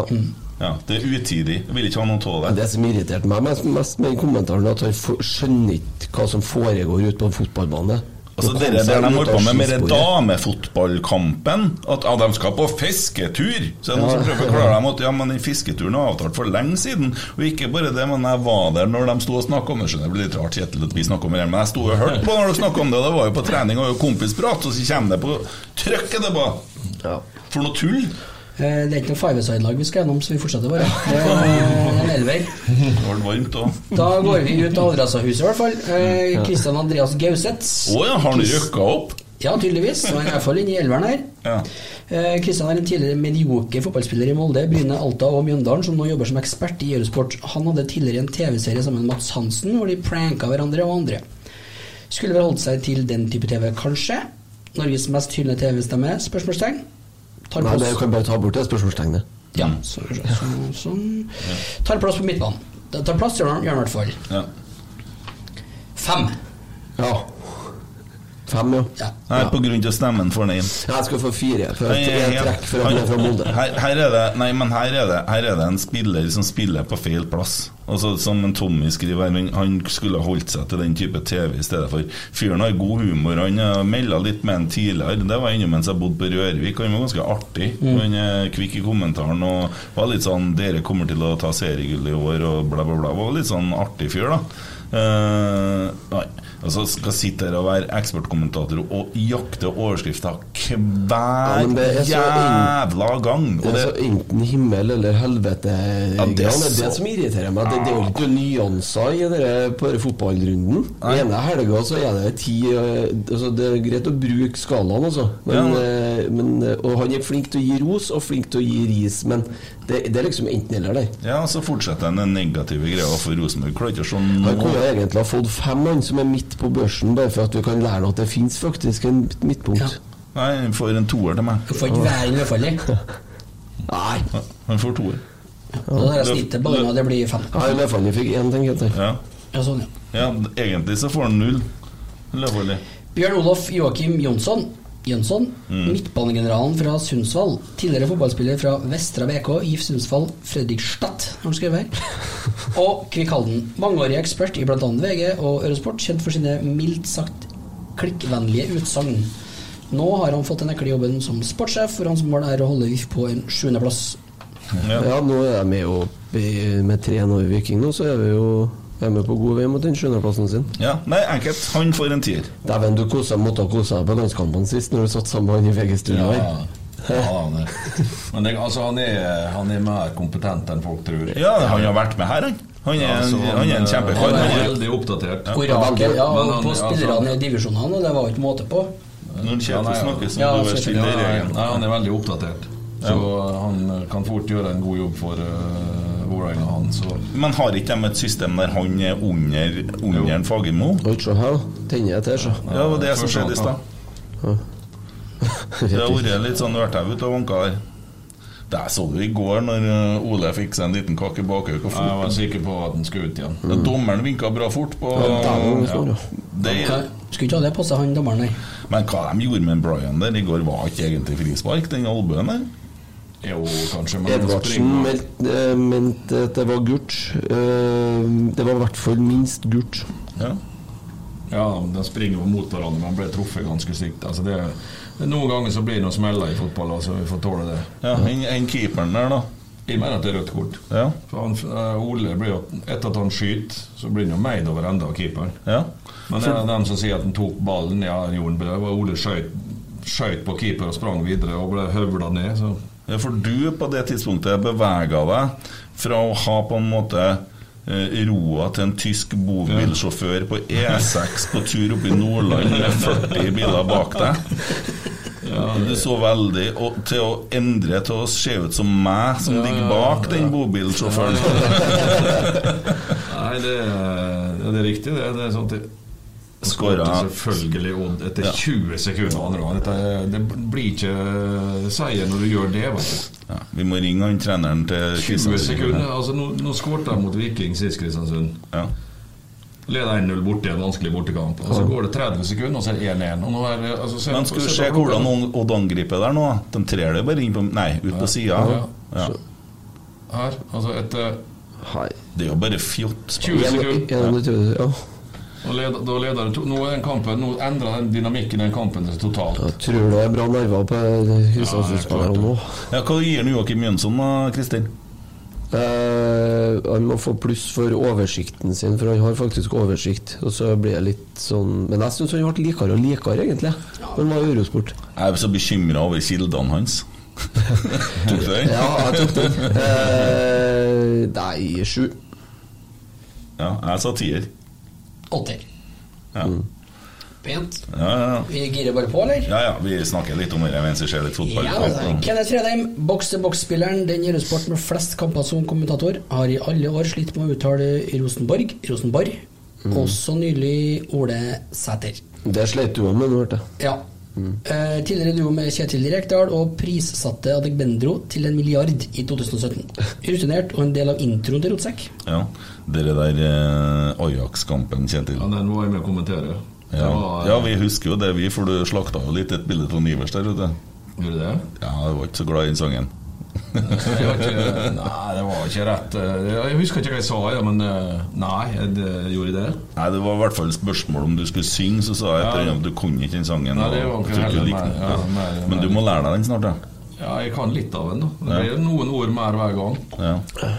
Så jeg må bruke mest tid på Konsentrere deg om å vinne ja, hjemmekampen. ja. På året. Nei, vi var jo i Amsterdam òg. ja. Nei, det var en sterk prestasjon å slå Ajax. Det var akkurat da Ajax var litt nede. Ja. Der ble det mål igjen. Nå ble du plutselig litt sånn der til Molde. Moldemål, ja. Fysj og fy. Det kom tidlig, det òg. Ja. Da leder de tabellen. Ja, det er viktig at uh, Ja, Viking er ja, det, det blir ikke 3-3. Nei, nei, nei. Vi får en seier på Kristiansund, så han tar poeng fra andre lag.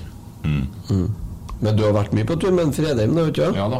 Og, eh, Kenneth er fin, eh, fin fyr. Ja, jeg liker han veldig godt. Jeg liker, han syns jeg er bra kommentator. Han har jo vært med så lenge at du liksom bare tenker at liksom Gledic det, Ja. Når det er på, så er det alltid rett. Ja, Gledic faktisk, da er du gammel, vet du. Ja, det er gammelt. Jeg jobber Veldig, veldig grundig. Jobba jo Kanal Pluss og han før det. Seriøs. Ja, Ja. stemmer det. Jeg savner litt tida med Arne Skeie og Hæ? Det var, Det var ikke så mye kritisk eh, kommentering. det. Det kunne bli for mye der også. Nei, Det var kos. VM 94. Det var fint, det. Vik Ja, ja, ja. ja. Vik står gult kort. eh, Spiller han kamp uten å få kort? ja det går jeg. Røde-Rolf, vet du hva det? Ja, gjør det. Nå har han gult kort igjen. Ja. Jeg Håper at det kommer mye kort på Odd i dag. Ja. ja, har Hvis det er noen som er i faresonen, så det har jeg faktisk ikke sjekka. Det var en som fikk seg en på kjeften der. ja, Viking med dobbeltbytte her nå? Ja. Ja nei, jeg gir en Kenneth en åtter, jeg. Ja. Ja. Litt usynlig ellers, men jeg kanskje jeg liker jobben hans. Eh, Mm. Åtte. Johannes Børstad, NRKs Wonderboy, som har slått klart flest tunneler på en av Rotsekks medlemmer, Tommy. Eh, kommentator med engasjement som har gitt også han plass i introen til Rotsekk. Har blitt avbrutt av eh, Trond Alstad og har den bredeste dialekta av alle journalister som følger. RBK, midtbanespiller på dette laget. Ja, jeg syns han er utrolig flink. Og han minner meg litt Da er vi tilbake til gode, gamle NRK-tida. For det, det virker som NRK har en policy om at de ikke skal være så negative. Og at de på en måte fordi at Spill og motspill er jo litt sånn avhengig av at motstander gjør en feil for at du skal få til å skåre mål. Og De fokuserer heller på den fine prestasjonen med dem som bryter ned laget til å gjøre den feilen, kontra eh, enkelte andre som fokuserer mer på den feilen, hvis du skjønte. Ja. Ja, han burde ha vært selger, egentlig. Vet du. For jeg er jævlig god til å fremheve det positive hele tida. Ja. Der har eh, altså Odd frispark like utafor 16-meteren til Kristiansund. 2-2 der nå på fem minutter. Er det ikke broren til en av dem som spilte på Tromsø i går? jeg. Ja. Ja. Jævla gode, de guttene der. Mange av dem òg, vet du. Tre eller fire, det. Han som var i Skal vi se. Faen, var en Nei da, rett i muren. Litt i mureren. Ja, Vi skal ikke ha noe på 2-2 der, altså. Nei. Nei, må Oddsen ryker på Molde. Det gjør nok det. Så, ja, ja, du vet aldri. den, ja. Men Kristiansund, nei, Sandefjord spiller med stor risiko. Ja, det har vært tidvis sendekjøring. Og nå, Molde er jo veldig kontringsorienterte. Ja. Det er greit å legge to 2-1, men legge seg litt. Er det gress i Sandefjord? Ja. Det er fint. Nei, eieren eh, Johannes en tier. Rett og slett fordi at jeg liker måten å gjøre det på. Eh, positiv, eh, positivt fokus. Jeg har ikke innsigelser av dere. Ikke neste heller. Eller. Rekdal. Da vil vi kjøre vi Jeg skal ikke sette børs på disse guttene. Så har vi en liten kar her, vet du. Kai Sharon, eller Karon Bardal. Tidvis usynlig, men sparker godt ifra når han først finner frem pennen. Fotsaltrener med stor suksess i utleira og det norske landslaget. Jobber muligens for VG. Men det er med en mystisk figur som sjelden dukker opp før kamp, eller skal avgjøres. Ja. Nei, Aldri på trening eller kamp ellers. Av den harseleringa han hadde med Rosenborg i vår, eh, og da når de hadde samla landslaget på eh, Scandic Lerkendal, for de hadde turnering i Utleirahallen, så var han den eneste som ikke var å se på treninga til Rosenborg. Eh, Så til å melde så sterkt, så det er jeg forbausa over at han ikke dukker opp på treninga. Eh, Det gikk jo spesielt på trenerteamet da. eh, Og jeg husker ikke direkte hva det var som var skrevet, men det var veldig kritisk og til dels latterliggjøring. eh, Basert på garderobepraten fra innsiden, annet. Der medieavdelinga valgte å klippe bort eh, store deler av taktisk prat for at eh, de ville ikke eh, ha det ut mot, sånn at motstanderne kunne høre det. Nei, Dere fortalte Jørgen om den var, kjent. Ja. Og Derfor så syns jeg det er veldig spesielt av Kai Bardal, som er så kritisk og til dels nedlatende mot Rosenborg, at nytten da tar seg tida til å bli med resten av laget og teamet sitt og se Rosenborg-treninga, i hvert fall. Eh, For det syns jeg er nesten et lite krav til folk som skal melde så hardt. da At de eh, Der hang en igjen. 3-1. Nei, Nei. den gikk utom. Offside. Hjelper jeg litt, Emil? Eh, Når de står med hånda til hodet Ja, sånn ja, ser veldig lei seg ut, så har de som regel ikke scora. Det går Det, er i hvert fall sånn. Sjansen, da. Nei, men det er greit, som du sier, Kent. Det er greit at får, folk, eller ekspertene må få lov å være krit, så kritiske de, eh, de vil. Og, ja, bare, men de må i hvert fall være der og se, da. Så de Ja. vet hva de kommenterer på. Ja, og dere var, jo, derre var jo på en måte Du kan jo ikke kreve at en, eh, at en, en, en eh, ekspert fra Oslo At en Gauseth kommer på alle Rosenborg-treningene. Det forstår jeg. For han baserer baserer på kamper. Men her er det en spesiell situasjon der ting var basert på eh, ting som var fra innsiden. Og så hadde de sin egen innsiden. Og jeg vil anbefale folk å gå inn og se på Jeg ser Molde er på å torturere, torpedere målet til Sandefjord, men får den ikke inn. Men altså, de, deres innsiden var den taktiske praten veldig tynn på. Bare så det er sagt. Den ligger på YouTube. Det er bare å søke opp det Men det. er det ingen som interesserer seg for å gå inn og se. Nei, men poenget er da altså eh, Snakk om å Ja, eh, hva heter det? Mm, ta fram speilet, da. Litt spesielt at Norges største avis, som skal ha bredeste dekninga på det, eh, så setter de en som i utgangspunktet driver med en annen idrett, til å så kommentere eh, Til å skrive kommentarer på den klubben det er mest eh, interesse rundt. Det er jo litt spesielt, det òg. Men Det, det er jo ganske spesielt når du sitter i et studio og så prater om taktikk til et lag. Når du, for det første så vet du ikke taktikken. Og for det andre så har du heller ikke innsyn uh, hvordan det blir trent. Og da være ekstremt bombastisk med å si at det er ingen plan eller ingen, ingen struktur Ja, at du ikke får det til. Mm. Jeg kjenner ikke noen trenere som sender et lag på en bane For. En sjanse til å være Sender et lag på en bane uten en plan eller strategi. Mm. Så kan du godt si greit, du får ikke frem planen tydelig nok, eh, etc., eller du mangler visse ting for å få det til å henge i hop. Den er grei. Man, altså, det er ingen lag som sender et uh, show Vålerenga da, ute. Nei, men, eh, men av dem som har fulgt Rosenborg tett i år, da, så har du jo noe Sagbakken er jo, har jo trenerkurs. Har jo trent eh, Kiel Hemne i andredivisjonen. Mm. Ja, han trente dem vel ned en divisjon uten Ja, det Han røkka vel ned med dem. Det var jo når serie, seriesystemet ble lagt om. Da, Jo, jo, men han, det er nå den erfaringa han har, da. Eh, og så er det Svein Målen. Han har sett veldig mye av treninga. Og, Nei, nei, nei. nei, nei. 2-2 i Ja, Kristiansand. Ja. Fy faen. Eh, På ti minutter, altså. Jo, er litt, litt Og så er han herre Ruud en gammel, han. 38 år, ikke sant? Men eh, de i hvert fall er jo kanskje de som har mest eh, sett mest Rosenborg-treninga med trenerkompetanse, og som faktisk vet hva de står og kikker på. Ja. Og så Men eh, det er jo rart eh, Men Svein Målen er jo ikke den som brøler høyest.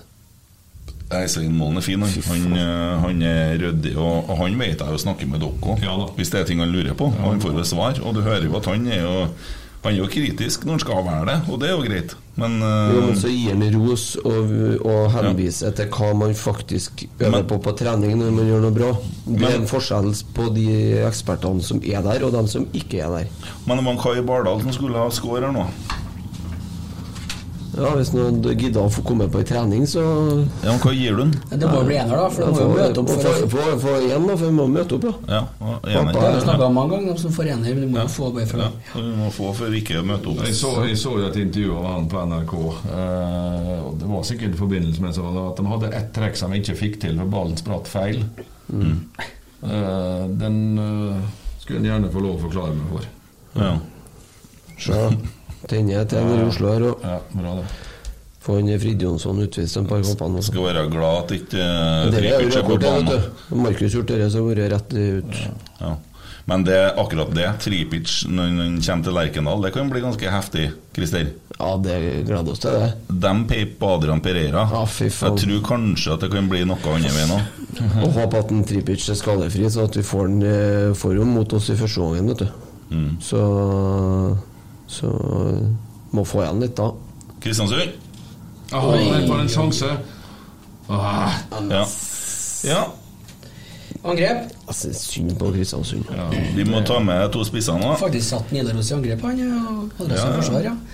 Simen først, da. Simen Pedersen, Nidaros egen posterboy. Tidligere Bodø-Glimt-spiller som er veldig opptatt av å fremheve akkurat det. Har ikke egen Wikipedia-side, men er stor på LinkedIn med internasjonalt snitt spydspiss. Ja, han er jo en lur spiss. Han er det. Ja. Han er litt overalt. Brattbakk-type, ja. han er litt overalt og fisker. Og, og, og jobber, jobber litt for eh, Nå må du gi plass igjen, Emil. Eh, eh, må tømme cola nå. Eh, eh, uh, ja, altså Har du finger på det meste? Ja, det skjer. Ja, også. Nettavisen melder jo litt uh, hissig på ting her nå, sant? Og så og så er det Simen Pedersen som skriver, med ferie, men han, får med seg alt, vet du. Ja. De vet faen meg så mye at det er nesten snodig. Han har fått det til å bli litt eh, Fått opp eh, dampen litt på adressa bygget kanskje, etter at han begynte. Ja, han For han måtte ha kommet seg litt på jobb og begynte å Og, og, og jeg syns han er en utrolig flink journalist, men jeg har sett han i gul drakt i Roma. Får trekk for det. Det var ikke Ja, det trekker ned òg. Nå skal favorittspilleren din Slatko Tripic inn for Viking. Det trekker ned fire, ikke det? Ja, det gjør det. Boka, ja. fall. Så, ja, det, Det seks, ja. ja, det blir en sekser. Han hadde en tier. Hadde ikke vært for den gule Ja, han hadde det. Ja. Sånn seks Men det med den gule drakten trekker ned, altså. Spilt for feil lag, rett og slett. Ja, men sånn er det. Det er Sånn som å se at en, uh, Ole Sæter plutselig møter opp en, uh, og heier på et annet lag en annen plass. Vi. Jeg hadde jo reagert på det. Marius Dahl, Nidaros-gutt er det også. Ja. Omtaler seg selv som verdens kjekkeste ginger og som en koselig gutt fra Elverum. Oftest sitter liggende i et TV-studio eller godt plassert på en stol eh, på treningene til RBK. Nyforelska og har gjort opptaling av seg. En journalistversjon av Daniel Bråten med knappen 'mest av'. Ja. Der har du en skikkelig Raymond Kvisvik, altså. Men han har da Nå ble det et rødt kort i Ja, vi- oh, ja, ja. Ja, den er streng også. Den er stygg, men er rødt er det kanskje ikke. Han-. For han rødt? Han som ble takla, fikk Ja, ja, ja, på den Ja, det var han som ble takla. Rødt kort til en Sarpsborg-spiller, er skipper. Ja. Reprisen Han skulle ikke blitt takla. Det så helt feil ut, faktisk. Ja, Det er jo greit at Haugesund vinner der. Oi! Liten ja det gjør han nå, i hvert fall. Ja, nei, eh, Marius Dahl, ja. Hva gir han? Ja, Der kjenner jeg er litt vanskelig, for han er en veldig sånn usynlig Marius Dahl er tier til meg. Gammel, eh, med, gammelt medlem av kjernestyret. Ja, da ble det tier. Det ble tier. Ja, det er bra. Ja. Det er bra Ja, vi har vært altså. mye trollete, men vi trua han jo her med at vi skulle legge han nedi fritzelkjelleren når han var her som gjest, og ja, det var veldig, veldig slemt. Uten å Dra gjennom banken benken bare kjapt, da. Ja. Ja, det, det, er jo Ja Amankwa, Ja. Espen Mathisen og Lars Bohinen. Ja. De, har for, de fikk for lite spilletid til å bli vurdert. Eh, Nei, de er på benken. Å, ja, på benken, Men eh. Otto Ulseth, Morten P og Øystein O er ikke vurdert på lite spilletid. Nei. De uh, fikk ikke nok spilletid. Otto Ulseth skal ikke sitte på benken. da. Han skal ikke være med der. Nei, han er ikke vurdert. De to første sitter på benken. Ja. Ja, nei, Sarpsborg har fått et rødt kort. Ja, Det så helt merkelig ut. Uh... To gule, kanskje? Nei, nei, nei, rødt. direkte rødt. Ja. Han som fikk det, ble, så ut som han ble felt, egentlig. Altså. Det, Kom, var litt så merkelig. og Kristiansund ja, veldig nære på igjen. De har heva seg etter 2-2, men det Ja. I hvert fall melde at Vålerenga er atskillig nærmere 4-1 enn Ja. Viking er 3-2. Snakker du noe med han Mikkelsen, eller? Ja, hyggelig, han. Ja. Han er ydmyk og kjekt å prate fotball med Nordnes. ja. Kollegaene som er rundt omkring. Jeg syns han virker som en kunnskapsrik og fin fyr. Ja, har gjort en formidabel jobb med, med Kristiansund i mange år. Og så har han møtt, fått den ene sesongen der alt går på tverke, da, med skade, sykdom og utur. Og ja, må bygges opp igjen. da. Da, Du ser jo igjen, da. Meget god førsteomgang og to raske mål imot. Og så brenner de sjansene nå som kunne gitt dem 3-2. Mm. Ender vel opp med å tape 3-2, sannsynligvis. Men får nesten håpe at han får sitte videre, sjøl om det altså, Det er jo ikke, det er jo ikke sikkert noen løsning å bare kvitte seg med han, eller hvis han Kristian Vibe Av Avtjern skriver på Snapchaten vår Må Ja. si jeg er veldig imponert over hvordan Rekdal har håndtert mediene og er ærlig med hvordan ståa i klubben er. Ser frem til å se hva dette laget får til på sikt. Ser veldig lovende ut. Stå på. Det er jo hyggelig, det. Ja da. Det er noen som er tålmodige òg. Ja, det er, men det, må, det, det er farlig hvis det blir sånn at eh, ingenting er bra nok. Mm. Du har en klubb i Oslo som er sånn. Ja. Vålerenga, Der eh, vinner du 3-0, så skulle du vunnet 4-0, og så var det feil spiller, feil bytte, feil trener, eh, feil formasjon. At du alltid finner noe å være negativ på, og ikke klarer å glede deg over når det faktisk er ok. da altså, Vi er jo ikke kommet til veis ende med måten vi vil spille på, måten vi vil utvikle laget på, men vi må kunne glede oss av de gode stundene som er der innimellom. Og når vi vinner 3-0 Åh, nesten 3-0. Det var nært. eh. Når du vinner 3-0, så er det, det er utklassing i dagens fotball. Og så er det mange ting innimellom som kunne vært bedre. Det er, er vi ærlige på. Det adresserer vi hver eneste dag. Og det den spillergruppa skal ha, de jobber beinhardt hver dag for å bli så gode at de skal tilfredsstille de kravene som ligger der. Det er ingen der som gjemmer seg eller eh, ikke vil eller ikke prøver. Det går litt mer på at ferdigheter som må utvikles for å ta det, det, store, store steget opp. da Ja. ja, vi er jo veldig spent på den spillergruppa, hvordan den ser ut etter hvert nå, da, om det kommer inn. Og du har vel vært ute og annonsert at det gjør det? Det var jo ganske direkte i media om at eh, vi skal hente en spiss, blant annet. Det må vi jo ha når vi har eh, Nova og Stefano, som kanskje er de to Når du starter sesongen, da. De to som, stod i, som var kanskje angrepsduoen din eh, ute med skader en, en, en, en god stund til. Mm. Ja, det er litt eh, Altså, før sesongen der, så var det jo Var det jo mange Ta med den først, da. Å, nesten fire igjen. Eh, så var det mye sånn snakk om Ole Sæter, men det har jo på en måte blitt et sånn fenomen, Ole Sæter, i løpet av den våren her. Ja. Og ser måten den, han har slått gjennom på, og hører jo på kjernetribunen både hjemme og borte. Og så får han start da borte mot Vålerenga, og så skårer han to mål. Og så dere har jo på en måte vært med oss og så satt i livs et, et fe- Rosenborg-fenomen på mange måter. En kultfigur. Ja, Det er mange som henvendte seg til oss eh, gjennom vinteren og frem til overgangsvinduet stengte i mars, og vi var ganske tydelige på at han skal vi ikke slippe. Her er et eller annet som eh, kan være med å bidra, og noe uforløst eh, og noe annerledes enn vi eh, har i troppen, og det har slått til. Mm. Så må han utvikle seg videre, selvfølgelig. Ja. Han spilte jo ikke fotball i fjor. Nei. Ett minutt etter i Eliteserien Mm. før han nå eh, Ja, han bærer jo det ansvaret når han spiller for Rosenborg nå, at det forventes mål, det forventes underholdning og etc., etc. Mm. Og ballasten for at han skal kunne levere det, den er jo ganske tynn. Ja, Men han ja. gjør det innimellom likevel. Eh, Det var jo enkelte i Ålesund som var jævlig hard med spillerne etter den kampen. da Eh, Også i Ålesund. Det er jo ganske Ja, ja, jeg syns det- den, jeg syns den er veldig drøy når den Marius Broholm kommer innpå, og vi, vi jager en skåring, eh, og så har du Pavel eh, Marius Broholm er 17, Pavel er 19, og så har vi akkurat bytta ut Brian som er 19. Ja. Skal liksom oppleve det at eh, enkelte eh, er illsinte, og, og hadde, hadde vi hatt et lag fullt av landslagsspillere og stjerner, så hadde jeg skjønt den reaksjonen eh, bedre, men eh, ja. Sånn er det. Det, det. Vi lever jo i en fri verden, og da får folk reagere som de vil. Men det, jeg syns ikke noe om det, for det blir litt urettferdig at de skal få oppleve det når de eh, er omtrent på de, debutstadiet. Men eh, men så på Twitter tidligere i uka For det var i hvert fall en par stykker som hadde noen spørsmål rundt den Ålesund-kampen. Og det var en av dem blant annet at eh, For det var egentlig bare en Fiabema som var spiss. Alle tre andre spissene var jo skada. Ja.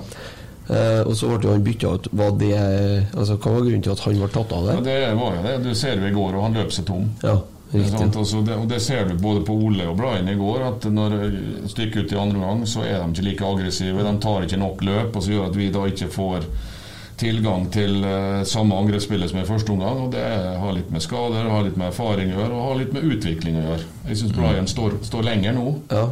enn han gjorde eh, det. Og det, det var grunnen til at vi tok ut han, at det var to, tomt for krefter. Ja, Ole lå jo til krampe nedom nedom oss der i hvert fall.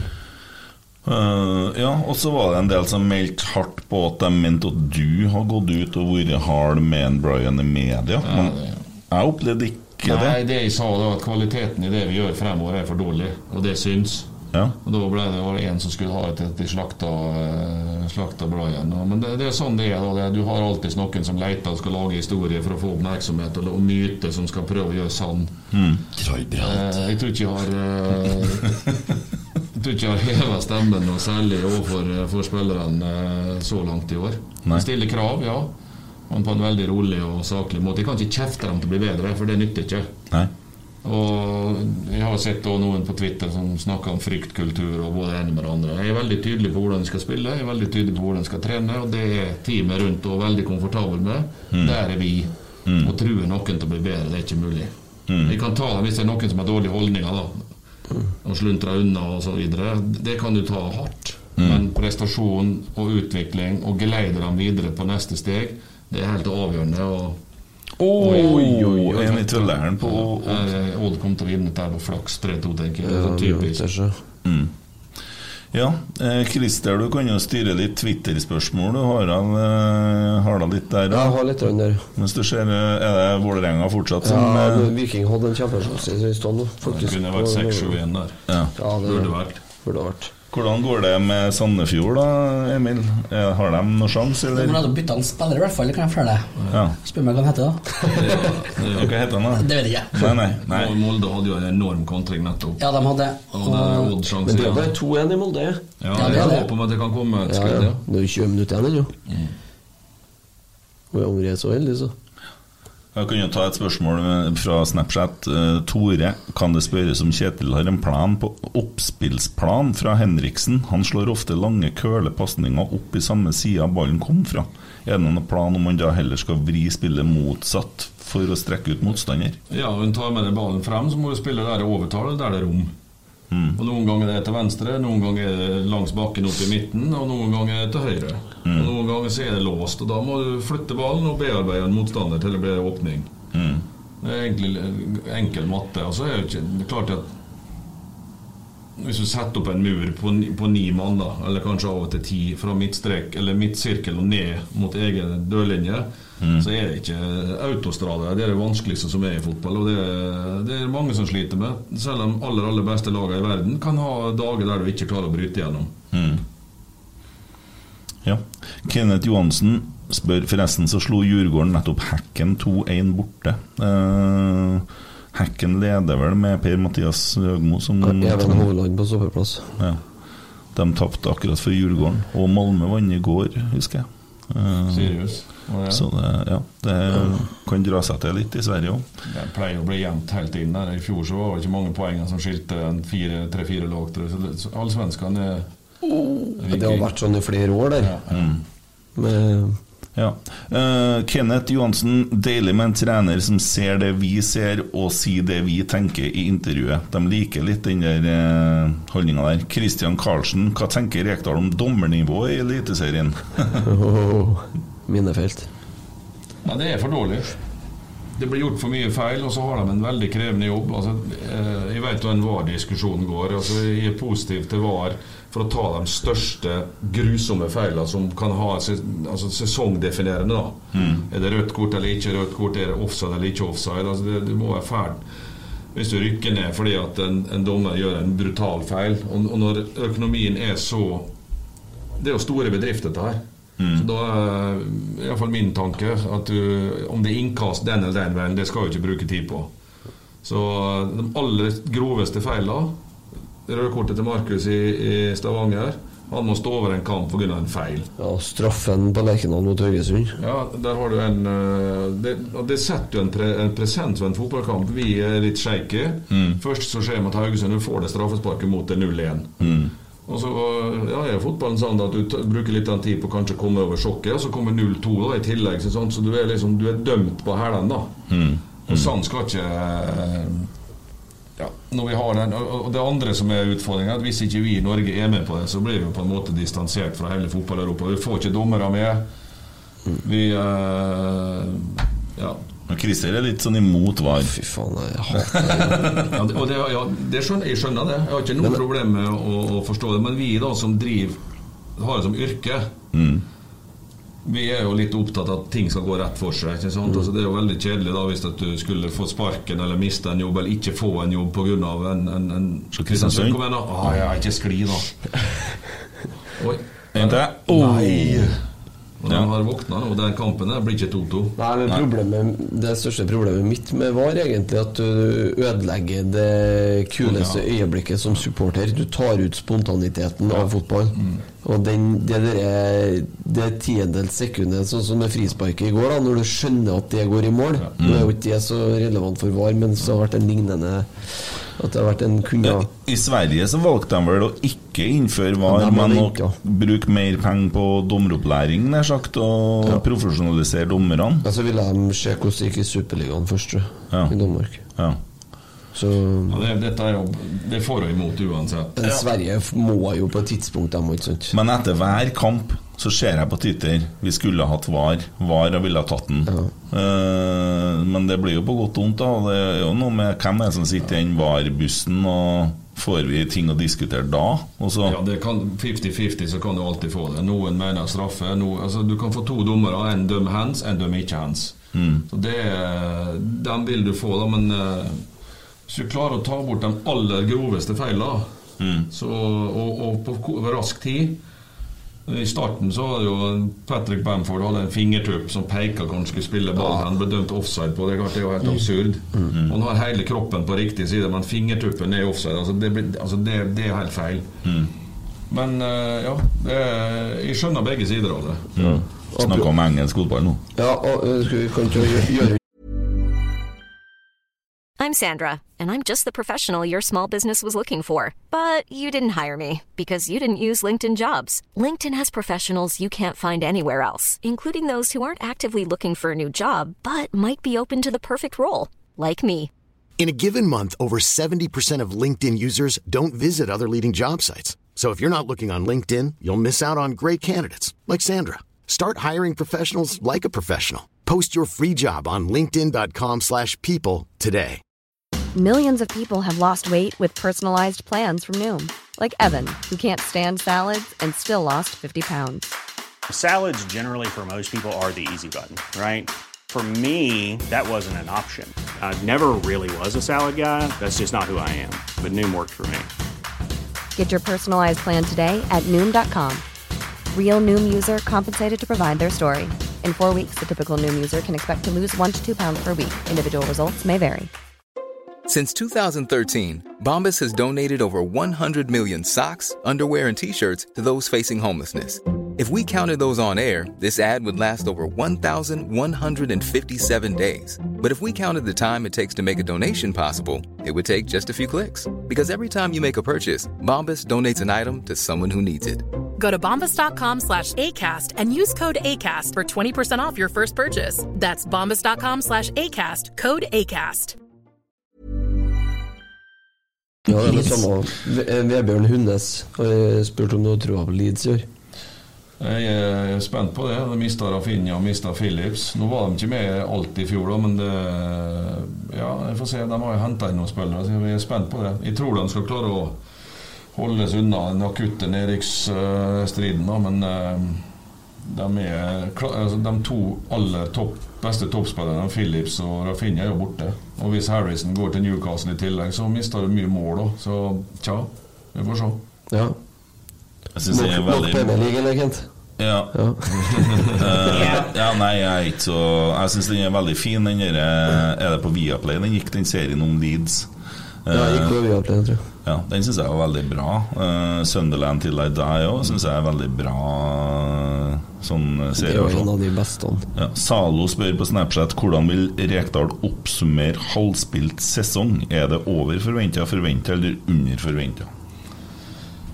Litt begge deler. Eh, hadde du spurt meg når vi drev og spilte treningskamper rett før seriestart mot Raufoss og Tromsø, så eh, hadde jeg sagt at eh, har vi 25 poeng halvveis, så kom med dem. Ja. Men når du ser kampene vi har spilt og, og mulighetene vi har hatt, i og med at vi har ledet noen bortekamper og ikke klart å fullføre det, så er vi. Så er vi ja. Helt sjuke sjanser. Kristiansund. Så er vi, så er vi eh, Faen, vi har, vi har leda på Åråsen, vi har leda i Stavanger, og vi har leda i Bodø. Og på Hamar. Mm. På Hamar. Det er den eneste kampen vi har flaks. Ja, Hamar fortjente ikke vi å Vi fortjente Men de andre kampene er, Jeg ser jo det er dem som mener at vi har hatt griseflaks som har 25 poeng. Og vi har heldig som har poeng mot uh, HamKam. Det skal jeg være med på. Og så er det Haugesund hjemme blir bortdømt, så gjør at vi må jage. Og, og På en god dag så klarer du å få inn fire-tre mål. også. Så I, i Sarpsborg har vi muligheten til å vinne. I Bodø har vi muligheten til å vinne. I Stavanger har vi muligheten til å vinne. Så det, men det vil jo jevnes ut på et vis. da Så det, vi ligger vel omtrent der vi Ja. sånn, eh, Men eh, Kristiansund trykker Odd litt. ja, det gjør, gjør det. Men jeg tror det viktigste er å, å prate om de tingene vi skal jobbe med, og ikke få overfokusere på resultat og poeng. Det, det kommer av seg sjøl. Det får vi ta der og da. Men uh, treninga på tirsdag er det viktigste nå. Få den til å bli bra. Jobbe med seg tingene vi er nødt til å jobbe med. Og stor sjanse til sånn. Oi, det ble mål! Det er sånn Til Sandefjord. Ja, kommer påfølgende her. Så på tommelen, jeg sa jo det. Håkenstad. Så lenge det er ett skudd du trenger, så er det alltid sjans. Ah, Ja. Feirer den med et spørsmål fra Erik Skjemstad på Twitter. Ja. Hvilke trekk kan Rosenborg gjøre for å bli mer gjennombruddshissig?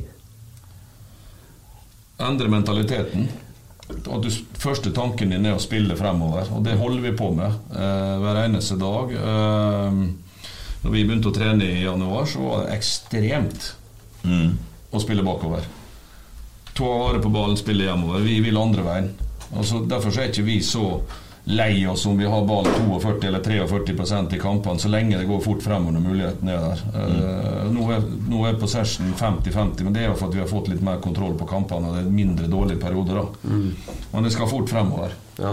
Og, det, og da, da, da, da kreves det initiativ i bakrom, og du må fylle dette med folk. Du må ha folk i mellomrom, siderom, og du må ha folk bredt. Da eh, blir det bra. Vi snakka litt om det etter Jerv-kampen her. Mm. Eh, så var vi jo her rett etterpå. Um, og det er jo sånn Da, da la jeg merke til det, for jeg står jo på Øvre Øst. Mm. Og så jeg siste kvarteret her.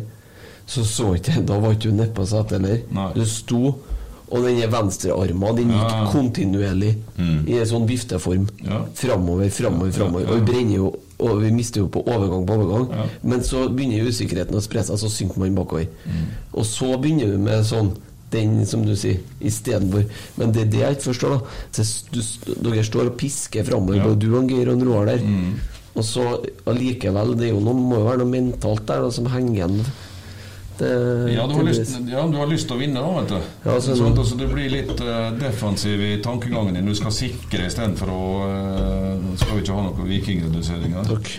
Nei, vi skal ikke ha det. Nei, altså, du, du, det, jeg tror alle lag har noen prosent av sånne ting. Eh, at, at vi skal måtte ta en kort corner mot Jerv hjemme i det 93. minutt og 30 sekunder for å være Vi skal aldri havne i den situasjonen der, i den kampen der. Men da, blir, det- da må vi i hvert fall sørge for at vi vinner kampen nå når det er 30 sekunder igjen. Eh, og så er, kan du sikkert si det er unødvendig og det er feigt. Jeg vil heller si at det, det tvinger seg frem der og da. Og da må du gjøre det da som er riktig for at du faktisk skal vinne kampen. Og det, og det Skritt i riktig retning i går, da, når du klarer faktisk å avgjøre og låse ned den kampen. Ja, ja, det er det. Espen Ruud, Milan Jevtovic og Konrad Vallem har eh, tre gule kort i Odd. Ja. litt Milan. Jevtovic, gamle Rosenborg-spiller. Har de fått noe kort her, disse guttene? da? Eh, det var én på benken. Kitolano har fått kort for Odd. Ja, okay. Eh, ja, han har ett fra før. Mm. Jevtovic har jo spilt i alle klubbene i verden snart. Han har bedre spilt i mange klubber.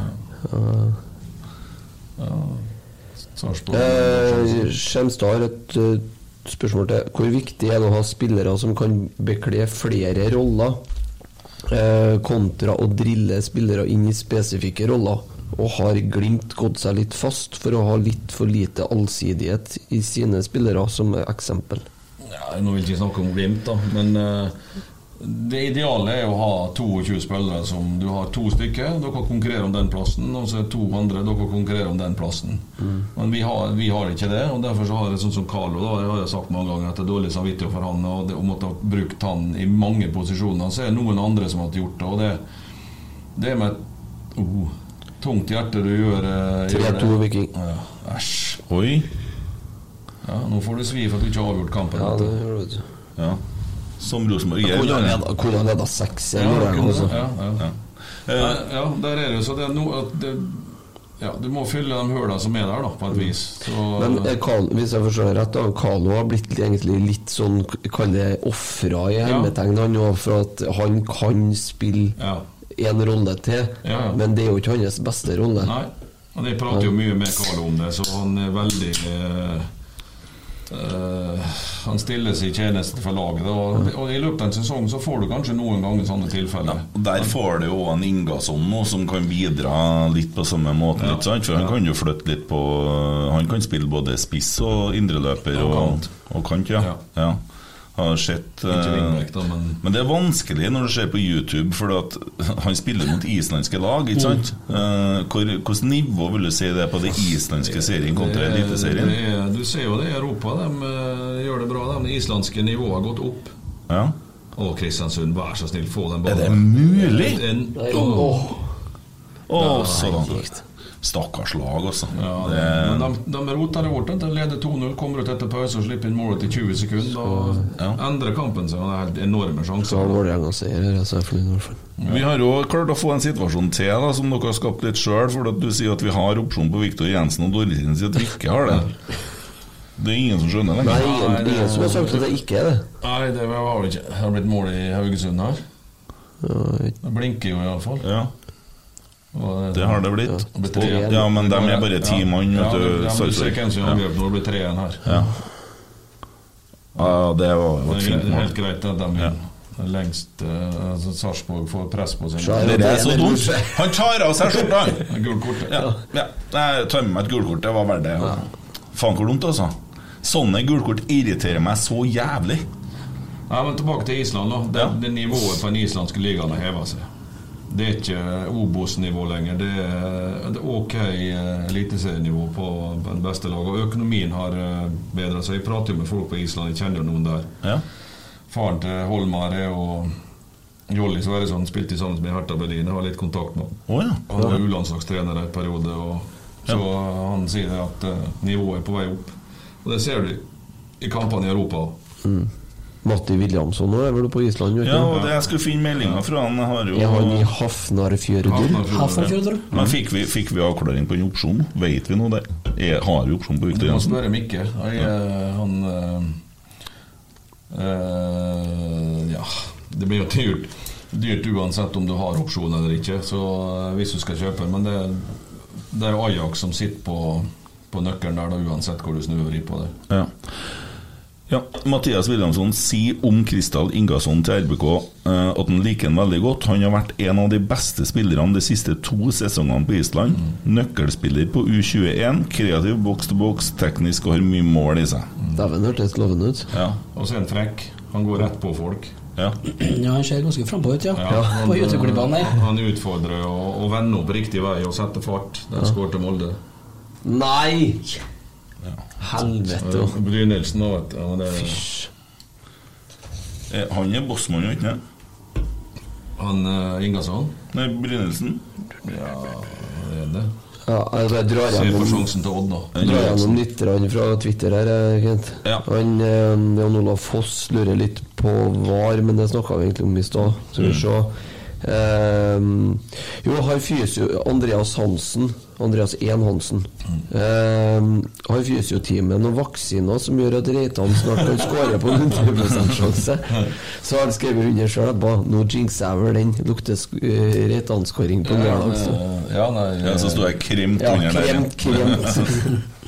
Ja, Han kom med et mål, han. Han har hatt en del sjanser, Erlend, og det er han jo klar over sjøl òg. Altså, det er ingen som bommer med med vilje, men han, han er der, da.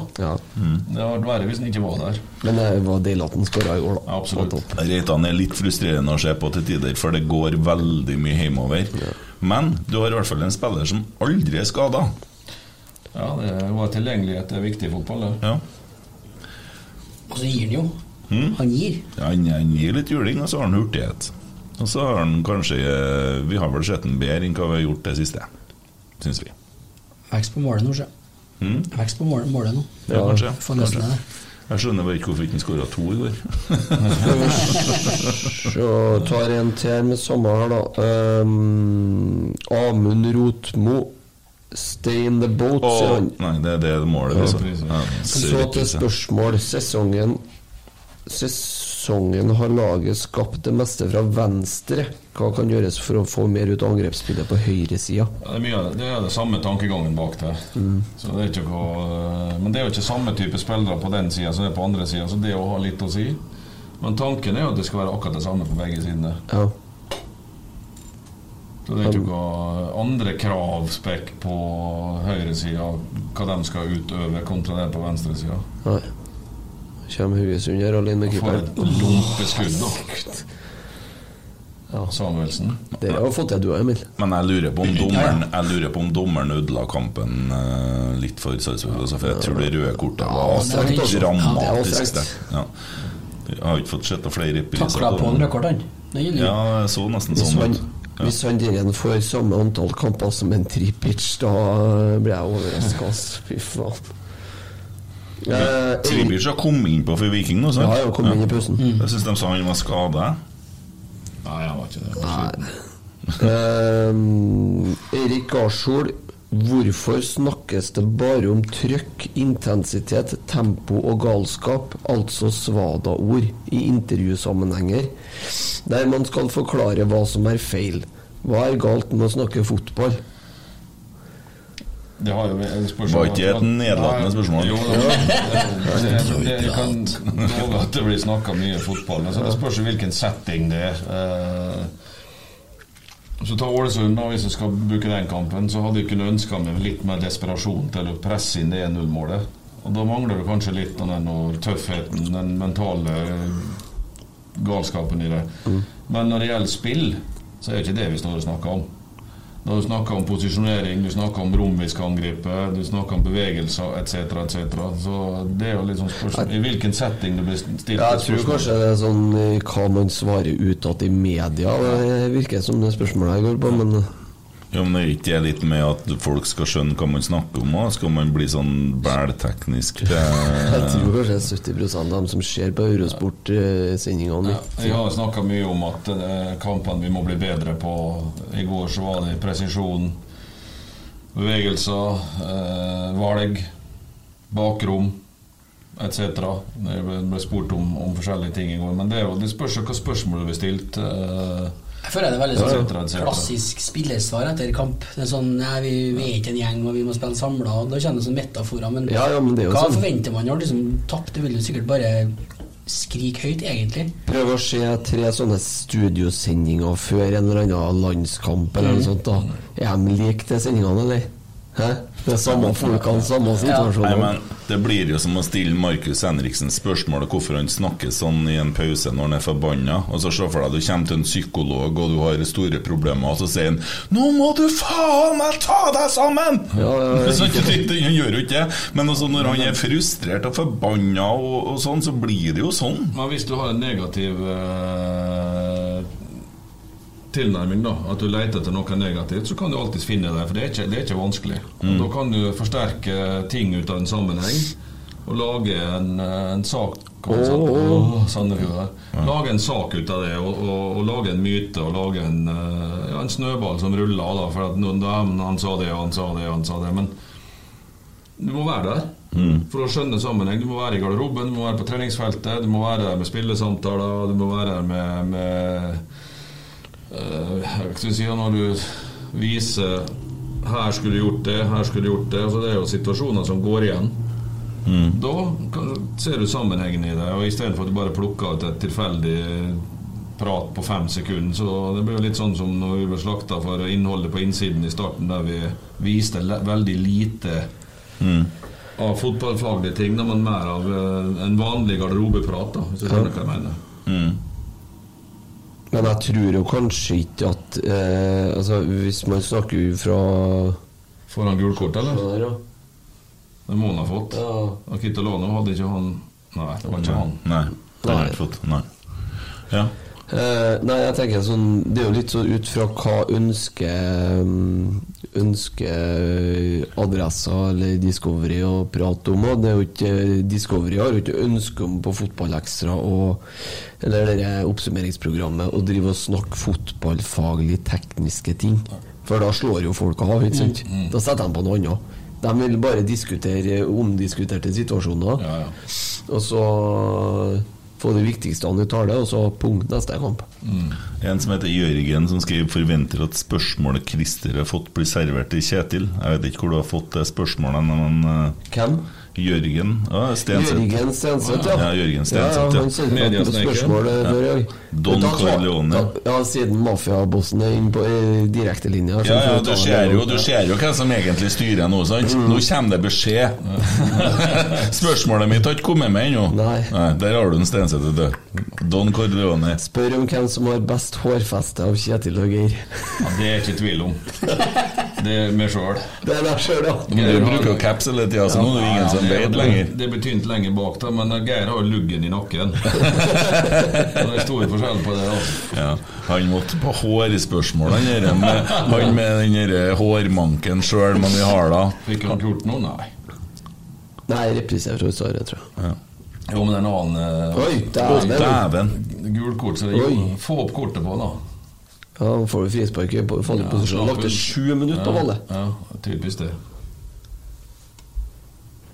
Men det. Men uh, KBK har frisparker. Men fikk han ikke gult kort for det? Eller? Nei, det er helt utrolig. Det var jævlig rart. Ja, den var brutal, den. Mm. Skal vi se. Nei, det er villsekk for KBK. KBK altså. Han får jo et poeng, men det er ikke nok. Nå leder 2-0, altså. Uh, vi har egentlig svart på mye av de oh. spørsmålene her underveis. da Så hvis mm. folk har fulgt med litt um, Det er jo ikke sikkert. Det er jo ikke sikkert, men det kommer jo som podkast. Kristian spør på Snap her Må vi bruke norske dommere, eller kan vi begynne å bruke utenlandske toppdommere. Har det skjedd noen gang? Ja, det har vært noen gjestebytting. Det har vært noen fra Sverige et par ganger, tror jeg. Jeg har opplevd det, og kanskje noen fra andre nasjoner, om det har vært fra Belgia eller Nederland. Et par ganger har bytta, tror jeg, fra Vant Molde. Det Da er det over i Jeg tror det har skjedd, ja. Molde har vunnet, Vant 3-2. dessverre. Olai Årdal.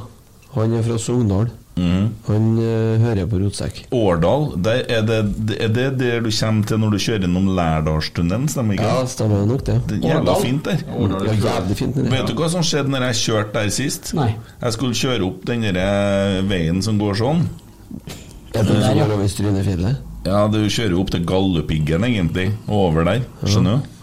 Så Så hadde jeg 200 km med bensin, men jeg kjører opp den veien der. Så når jeg kommer opp på toppen, så har jeg plutselig bare 100 km med bensin. Jeg begynner å tenke dæven, det er langt til Lom, dette går ikke. Så jeg måtte kjøre ned til en annen plass, og så opp igjen. Når jeg har kjørt fra Stavanger. Så fikk fylt, da. Da var jeg, da var jeg mista jeg motet litt også, for da begynte det å bli seint på kvelden. Ja, ja, Han, han er i hvert fall fra Sogndal. Eh, når, når tror han at fansen blir fornøyd med han? Nå slakter halve RBK-Twitter han for ræva fotball, til og med når i går, når man leda 3-0. Prikk, prikk, prikk, prikk. ja det, Det har skjedd ut, fra Trøndelag, der, tydeligvis. mm. ja, det er jo akkurat nå Eller akkurat nå, det har kanskje vært en stund nå. Litt nedadgående kurs. Eh, Forventningene er storhetstida. Um, vanskelig å svare på det, ja, men jeg, jeg kan jo bruke en statistikk. da Jeg hadde 32 seriekamper nå og 19 seire, 11 øvert og 2 tap. 62-25 målforskjell. Jeg vet ikke om det har vært noen andre land at det har blitt stilt spørsmål til kompetansen på en trener enn i Norge. Mm. Det er litt rart, men eh, det får nå bare være sånn. Det, Vi jobber videre vi med å prøve å løfte Rosenborg opp mot det som kan gjøre flere folk fornøyd. Ja. Ja, det var litt interessant igjen. der. Se på den igjen der. Se her. Sparker den jo rett ned. Ja, klink gult. Ja. Ja. Da refererer du til Vålerenga Viking og en liten nedsparking der. Ja, Var det, burde var det en vikingspiller som sparka, ja, eller? Ja, ja. Men det er fint at tida går. Ja. Ett og et halvt minutt igjen der. Er Men eh, etter 3-2 så har kampen blitt helt annerledes. Mm. Så mål eh, det er jo en floskel, og en mål preger og endrer kamper. Du så jo mot Jerv, når vi leda 3 når det ble vært 5-6. Der kommer Viking. Så ble Der kommer Viking. Ai, ai, ai, ai. Åh. Men altså, sånn realisme i forhold til å være fornøyd, da. Eh, jeg tar meg sjøl som utgangspunkt før sesongen her. Så mente jeg at styret i Rosenborg gjorde feil for årsmøtet fordi at de budsjetterte med sølv. Mm. Og så, så skulle vi snakke om det her, og så, Kent. Og så sier jeg at eh, hvorfor skal de budsjettere med sølv? Vi ble nummer fire i fjor. Ingenting som tyda på det når det budsjettet ble lagt, at man skal bli nummer to. Mm. Ble det 5 i fjor. Fem, unnskyld. Og vi ble uh, fire året før, Uh, og det var på nedadgående trend.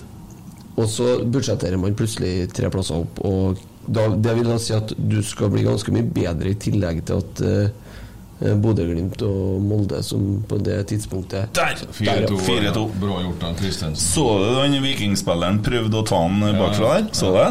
Ja, Han er en bra spiller, han Tobias. Det der hadde, altså, hadde han vært et tidels sekund litt før der, så hadde han vært så klink rød, den på den vikingspilleren. Ja. Men det er fint, da fikk vi lukka den. Ja. Nei, men i hvert fall det jeg har forventninger om før sesongen her, det er at man eh, At man for det første heva det bunnivået som var helt latterlig i fjor. Se nå. Der. Og så at man eh, Og at man ser ei utvikling gjennom sesongen, og at det Mm. blir gradvis bedre. Og det jeg mener nå, og i hvert fall etter å ha kikka litt i tallene, og sånt, så mener jeg at det er det. Sånn som det er nå. Ja. På den veien er vi. Og det tror jeg kommer til å bli enda bedre utover i sesongen. Nå, de siste 15. Og da tror ikke jeg vi blir noe dårligere i fjor. Men jeg har sagt at jeg har vært fornøyd. Hvis vi tar, en, tar vi medalje i år, så er jeg fornøyd. Tatt du dere reke da, hvis vi tar tredjeplass? Det gjør jeg ikke. Si ja, da. Jeg skal betale det. Men, Skal du eh, gjøre det? Men er det urealistisk å ha den forventninga at man skal eh, bør i utgangspunktet da kanskje altså, Er det ikke nok verdens undergang om man skulle bli nummer fire hvis man faktisk viser at her er man så godt på vei mot noe? Mm. Eh, Det, det egentlig Det tar jo litt tid å bygge et nytt lag. Fordi at eh, Skal ikke få en Kjetil mye ut på det, men jo, du snakka om det Rasmus og Saga i forhold til målingene på spillerne.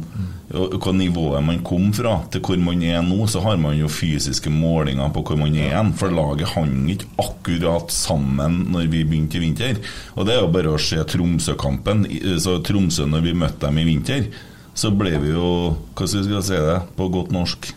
Vi ble herja med. Ja. Da kan jeg bruke et annet ord. Ja, ja, for du vet hva jeg tenkte å si? Ja da. Ja, ja, Det ble herja med. Det ble mot Ranheim, og det ble mot Raufoss. ja.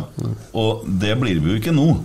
Vi styrer jo hele kampen, og så er det klart at folk kan jo ikke forvente 5-0, 6-0. Altså, det, det, det var en godt kontrollert fotballkamp, og der at uh, Bod nei, Tromsø gjorde en del endringer. Og komme seg litt mer med i kampen. Det er òg naturlig, for det er noe som heter, en faktor som heter motspill, og det må folk forstå. For vi er vi er ikke der vi var i 1995. For da var det ikke nøye hva motstanderne gjorde, egentlig. For da gjorde vi det bare enda fortere. Men vi tapte da òg. Ja, ja. 2002 så var jeg ti poeng bak på halvspilt. Eh, 1993 så leda Bodø-Glimt helt fram til nest siste serierunde osv. Det var mange sesonger hvor det var ganske mye styr og drama, men folk har glemt det og tror at det var bare sånne walkover-greier. Eh, Jeg blir så lei, for jeg blir så lei av den negativiteten. Det må gå an å gå på kamp og kose seg litt. Jo, jo, men man, altså, samtidig så vi er, vi jo Rosenborg, vi har det største budsjettet, og så har vi vært jævlig ute å kjøre noen år. Problemet er at vi har begynt å altså, Det er jo før dere kom, så har man jo mala seg inn i en krok nå, der man har blitt helt avhengig av å komme til Europa. Så det blir en sånn slags desperasjon rundt klubben. For at vi må til Europa, vi må til Europa for å berge økonomien, ikke sant? Ja. Og det der blir jo litt sånn Og så går det akkurat i siste serierunde. Jo, jo, jo, men Og Christer, noen får komme til Europa. De som springer rundt i Pepsi-flaska, vet du. Ja, skal til Barcelona, ja. ja. Jeg, jeg, har en tanke om, jeg har en tanke om akkurat det òg. For jeg tenker at der har man gjort en ting som var litt dumt, for de provoserer noen uh, fotballsupportere. Fordi at man jo komme på kamp til Barcelona'. Det virker som at vi på en måte uh, snakker oss sjøl ned. Altså Det er jo Pepsi Max sin konkurranse, det er jo ikke Rosenborg sin. Det er jo. Pepsi Max som arrangerer en tur til Barcelona. Man trenger kanskje ikke å ha nevnt den damekampen heller. Men vinner jeg helg i Barcelona med Pepsi Max, det har vært innafor. Det har vi holdt med i alle år. Folk har vunnet seg Volvo i et år og sånne ting. Det har vært helt greit. Det er jo akkurat det samme. Det er ordlyden som er litt annerledes, og så reagerer folk. Man blir jo tullete for alt, sant? Hva mener han bortom deg om eh, Hva er dine forventninger egentlig til året? Jeg har eh, Som sagt før, egentlig, det er bare det ikke blir verre. Men uh, hovedsakelig er jo alle trenerbyttene vi har hatt, som vi forventer at ting skal skje på samme året. Mm. Og vi begynner å pipe og blæse etter tre-fire-fem kamper om at nå dette går ikke, vi må bytte. Eh, og sånn er det absolutt ikke nå. Og så må vi gi det tid. Eller jeg skal iallfall gi det tid. Ja. Hele året her må gå lett. Men jeg ser på statistikken som vi har gått gjennom her i dag òg. Pila peker rett vei, og det er artig å være på kamp. Ja, det er det. Det er det. De siste fem hjemmekampene har vi fått se sett tre mål Ja. i hver kamp. Ja, jeg sa- snakka med fatter'n før jeg kom hit i dag. Han lurte jo på om du, om du trivdes i byen. Og For han sa at han skal i hvert fall være her hele sesongen. Sånn. Minst. Han må jo få minst få en sesong på å vise seg. Det går ikke an noe annet. så vi må slutte med det der. Ja. Men gjør du det? Trives du i Trondheim? Ja da, det går fint. det. Det er mye jobb. Ja. Og da går dagene fort. Ja. Hvor ofte treffer du kone og barn? Ja, de var jo her nå uh, i uke, knapp uke, så kommer de tilbake nå etter Odd-kampen. Da er det opp mot HamKam. Eh, og så er det jo skolestart, og da blir det vel ikke før høstferie, tenker jeg. Så det er ikke så lett heller når du har gjort ferdig ganske mange kamper på Østlandet. Når det har vært så tett kampprogram i vår, så kunne du ikke hoppe av. Det var tre dager til neste kamp. Men nå, jeg, jeg drar hjemom fredagskvelden nå. Mm. Og så drar jeg med tog ned til Skien på lørdags formiddagen, så jeg møter laget der. Og så blir jeg igjen en dag eller to. Og så gjør jeg samme når vi møter Sandefjord om tre uker. Og så Ja. blir jeg ikke Ja, for det er fredagskamp, det. ja, og da blir det ikke tur til Hamar før i september, landslagspausen et par dager. Og i høstferien så kommer familien hit, så det blir eh, Det er ikke så lett å få til så mange dagene i, i strekk, da. Nei, dæven, det er tøff øvelse. Jeg var levert veikungene i dag. Jeg har hatt dem 14 dager i sommer nå. Treffer dem ikke før om lang, lang tid. Nei. Det, det lærer jeg meg aldri. Det er jo det som er bakdelen, eller bakdelen, altså det som er bakteppet med en sånn jobb, da. Ja. At du både som spiller og, og trener og sportssjef eller hva det er for noe, at du, du må flytte litt rundt. Og det er ikke alltid det er mulig å ha med seg familien. Og hvis ungene går på skolen, så er det, du kan ikke rive dem ut av det heller. Det er et såpass usikkert yrke. da Men vi har bra skoler i Trondheim. eh. Ja da. Det står Og bedre skoler enn hver, i hvert fall. Ja.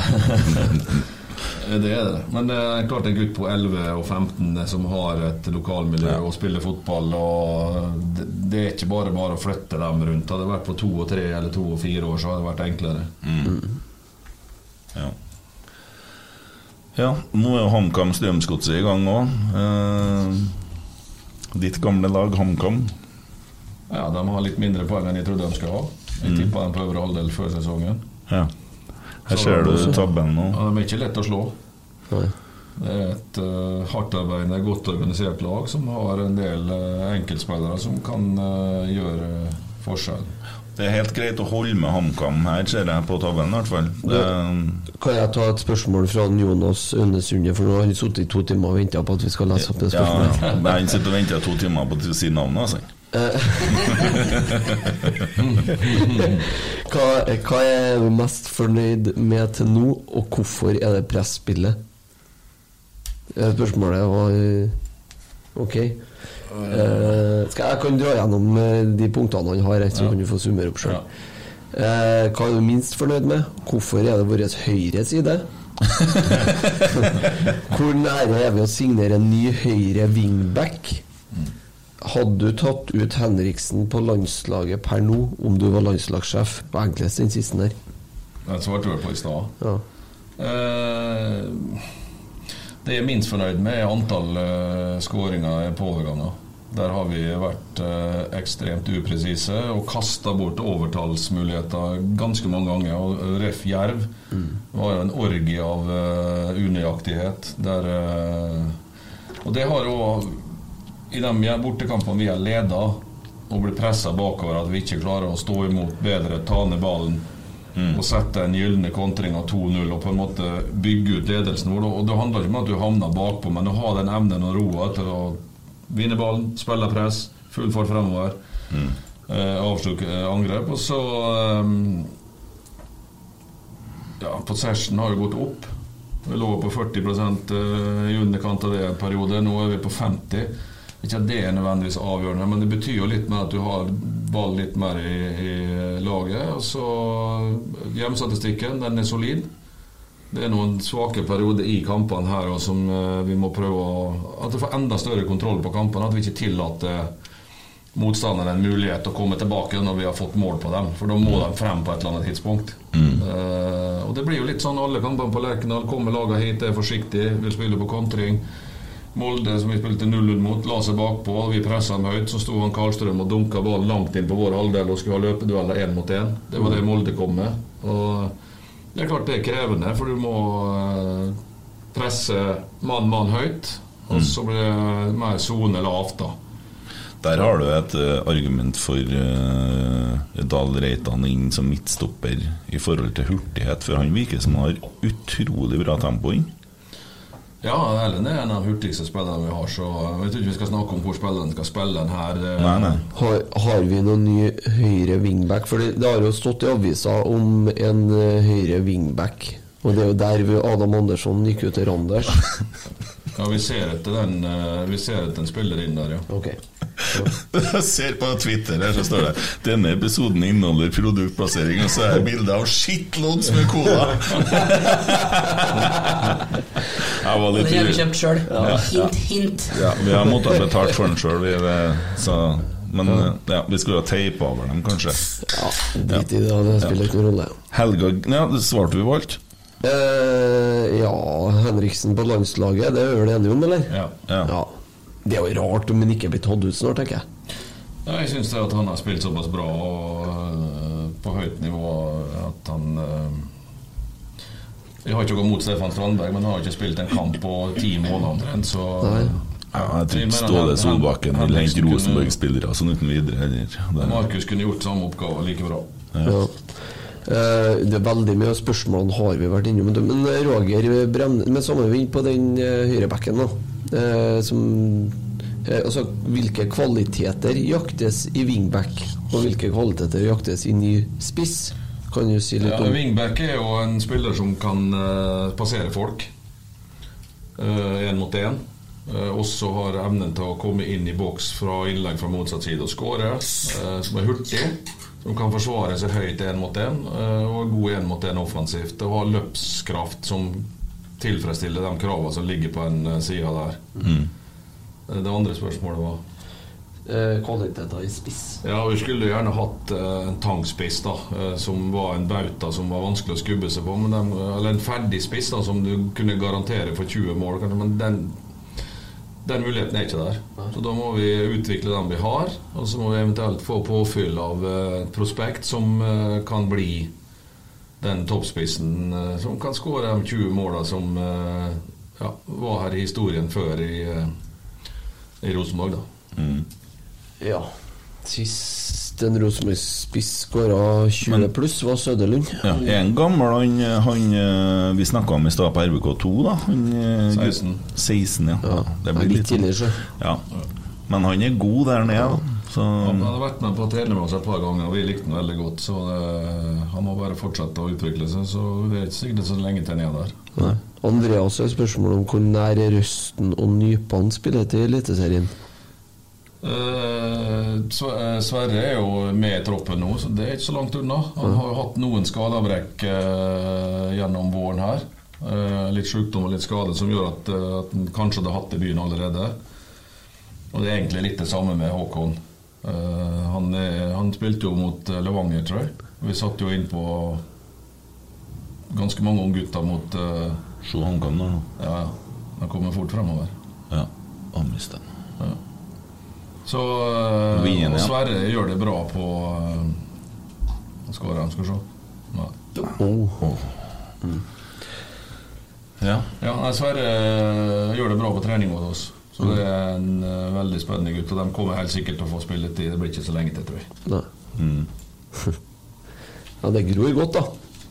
Ja da, frem i tid. Eh, Det er 15-16-årslaget. De må jo begynne å ha en del landslagsspillere. Og der er mange spennende gutter som uh, er kanskje et år eller to unna å Ja, de har jo- vise seg i avstanden. Du har jo ikke tapt én kamp i år, de. Nei. Så Finner du noen spørsmål, eller? På, bort på endene der? Nei, Det skjer jo litt på Twitteriatet her, da. Så Det går mye cola i dag, da. Det, Det går mye cola, ja. det gjør det, altså. Sponsa av Pepsi Max. Eh, Helga Gimse spør Hun lurer på hvor glad vi er for at Berisha har gått til Hamarby. Eh, Hamarby. Ja, Det spiller ikke noen rolle for meg, kjenner jeg. For jeg, jeg, jeg bryr meg ikke om det. Nei. Men hun bor i Hamarbyland da, og er Rosenborg-supporter. Det er litt kult. Du liker, jeg synes det var en kjempebra livepod. Og så må vi ta et artig spørsmål og drite i fortida. Ok? Ja vel, det er mottatt.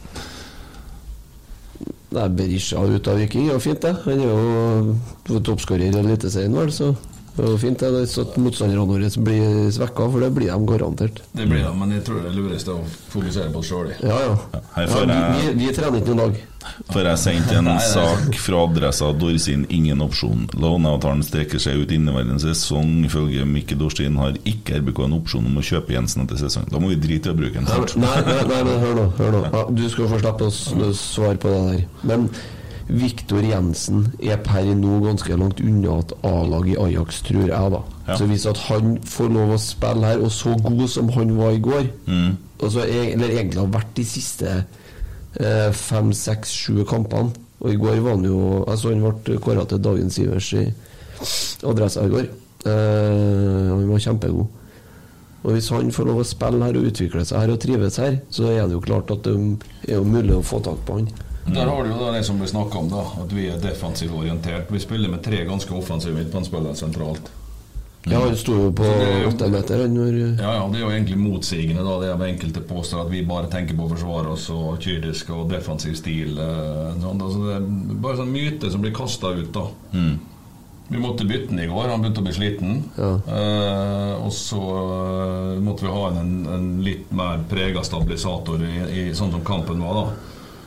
Men det, det, viser jo tankegangen vår er offensiv, den er fremover, eh, og vi skal opp og frem.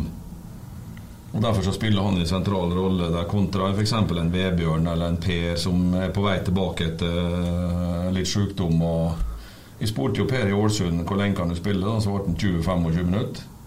Og det var egentlig det samme i går. Mm. Så eh, han må bare bygges opp at han får trent godt nok fremover. Ja, og Da kan vi begynne å se på hva du hadde å rutte med i Ålesund og spillere. Det var jo ikke all verden som var igjen da. Nei, men på, på, du vet jo, vi legger jo planer for å prøve å takle alle utfordringene. Og det, det var en ekstremt skuffa gjeng som spilte 0-0 der. Vi hadde jo håp om at vi skulle klare å holde nullen og få lurt inn et mål, da, så du kunne vinne en eh, litt sånn ekkel eh, bortekamp med ja, en skåring. Det fikk vi ikke, og det var vi veldig skuffa over. Andre bortekamper vi hadde hatt mer eh, sjanser og mer eh, muligheter til å stikke av bord med poengene der. Mm. Ja, Sånn som i går, så sitter jeg og sier det til en Alexander òg. Og når vi går opp i 1-0, så sier jeg nå skal du se Fia Bema kommer mer til sin rett. For han har hurtighet, får muligheten på de kontringene.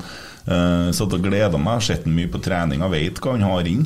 For det, det begynner å se mer og mer, og så ble det liksom ikke helt sånn, da. Men det, og det er stigning i så mange spillere. Det, det, det er så mange som har tatt steg. Det er herlig å se på, men man må være litt tålmodig. Også, liksom eh, Ja.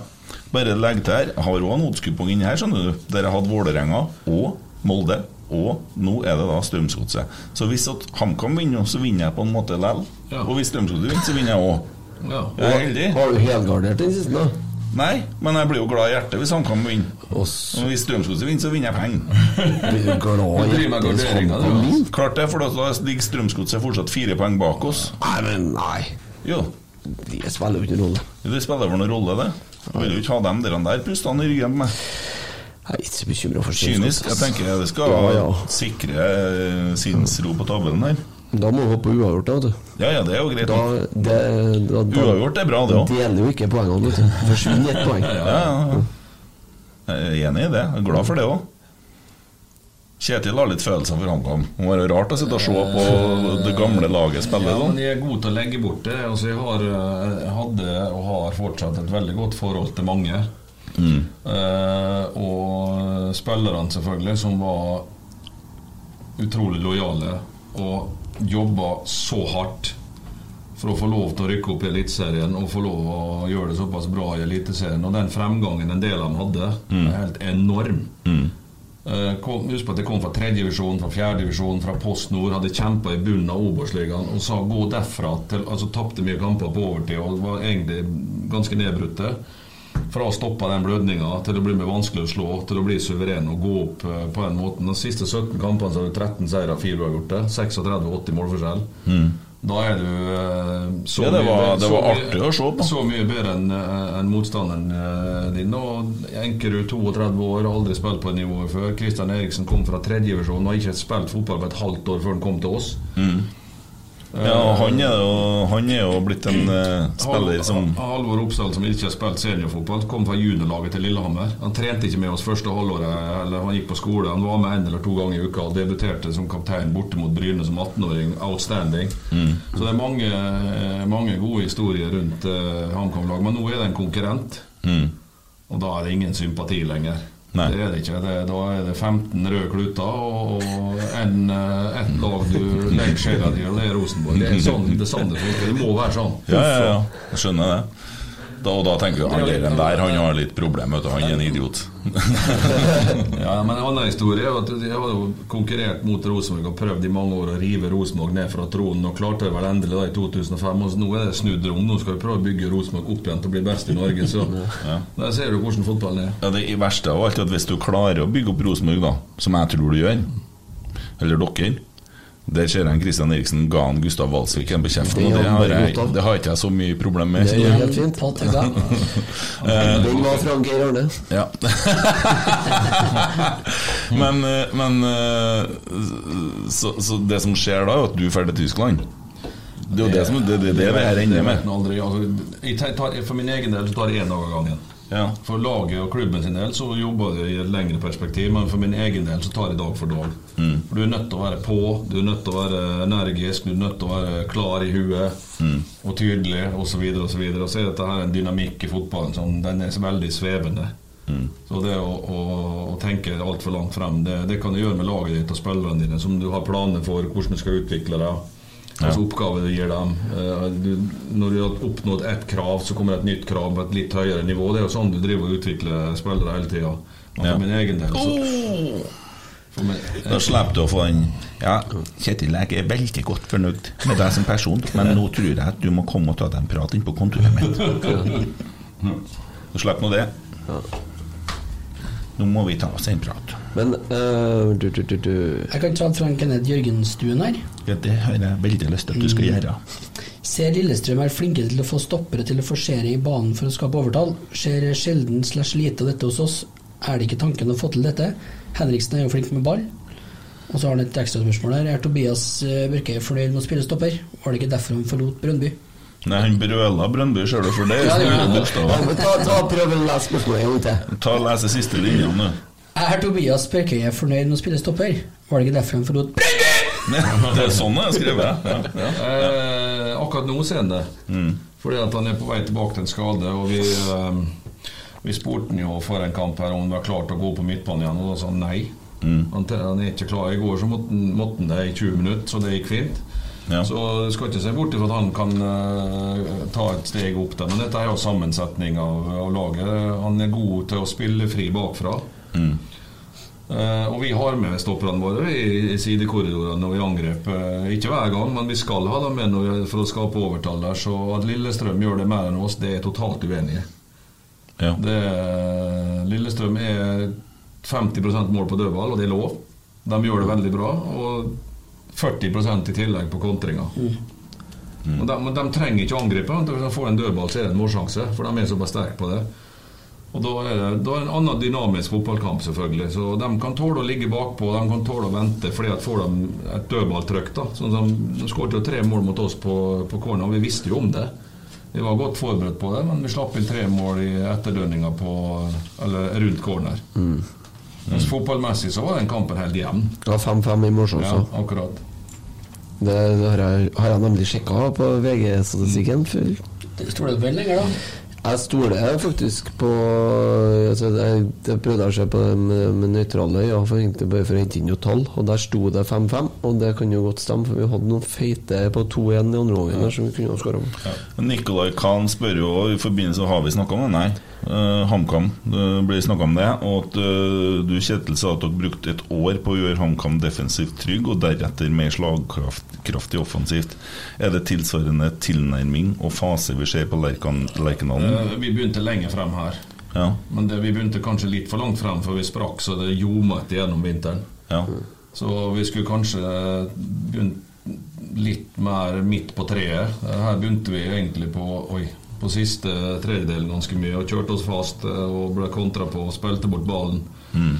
Og tapte stygt. eh, Og presspillet satt ikke, osv.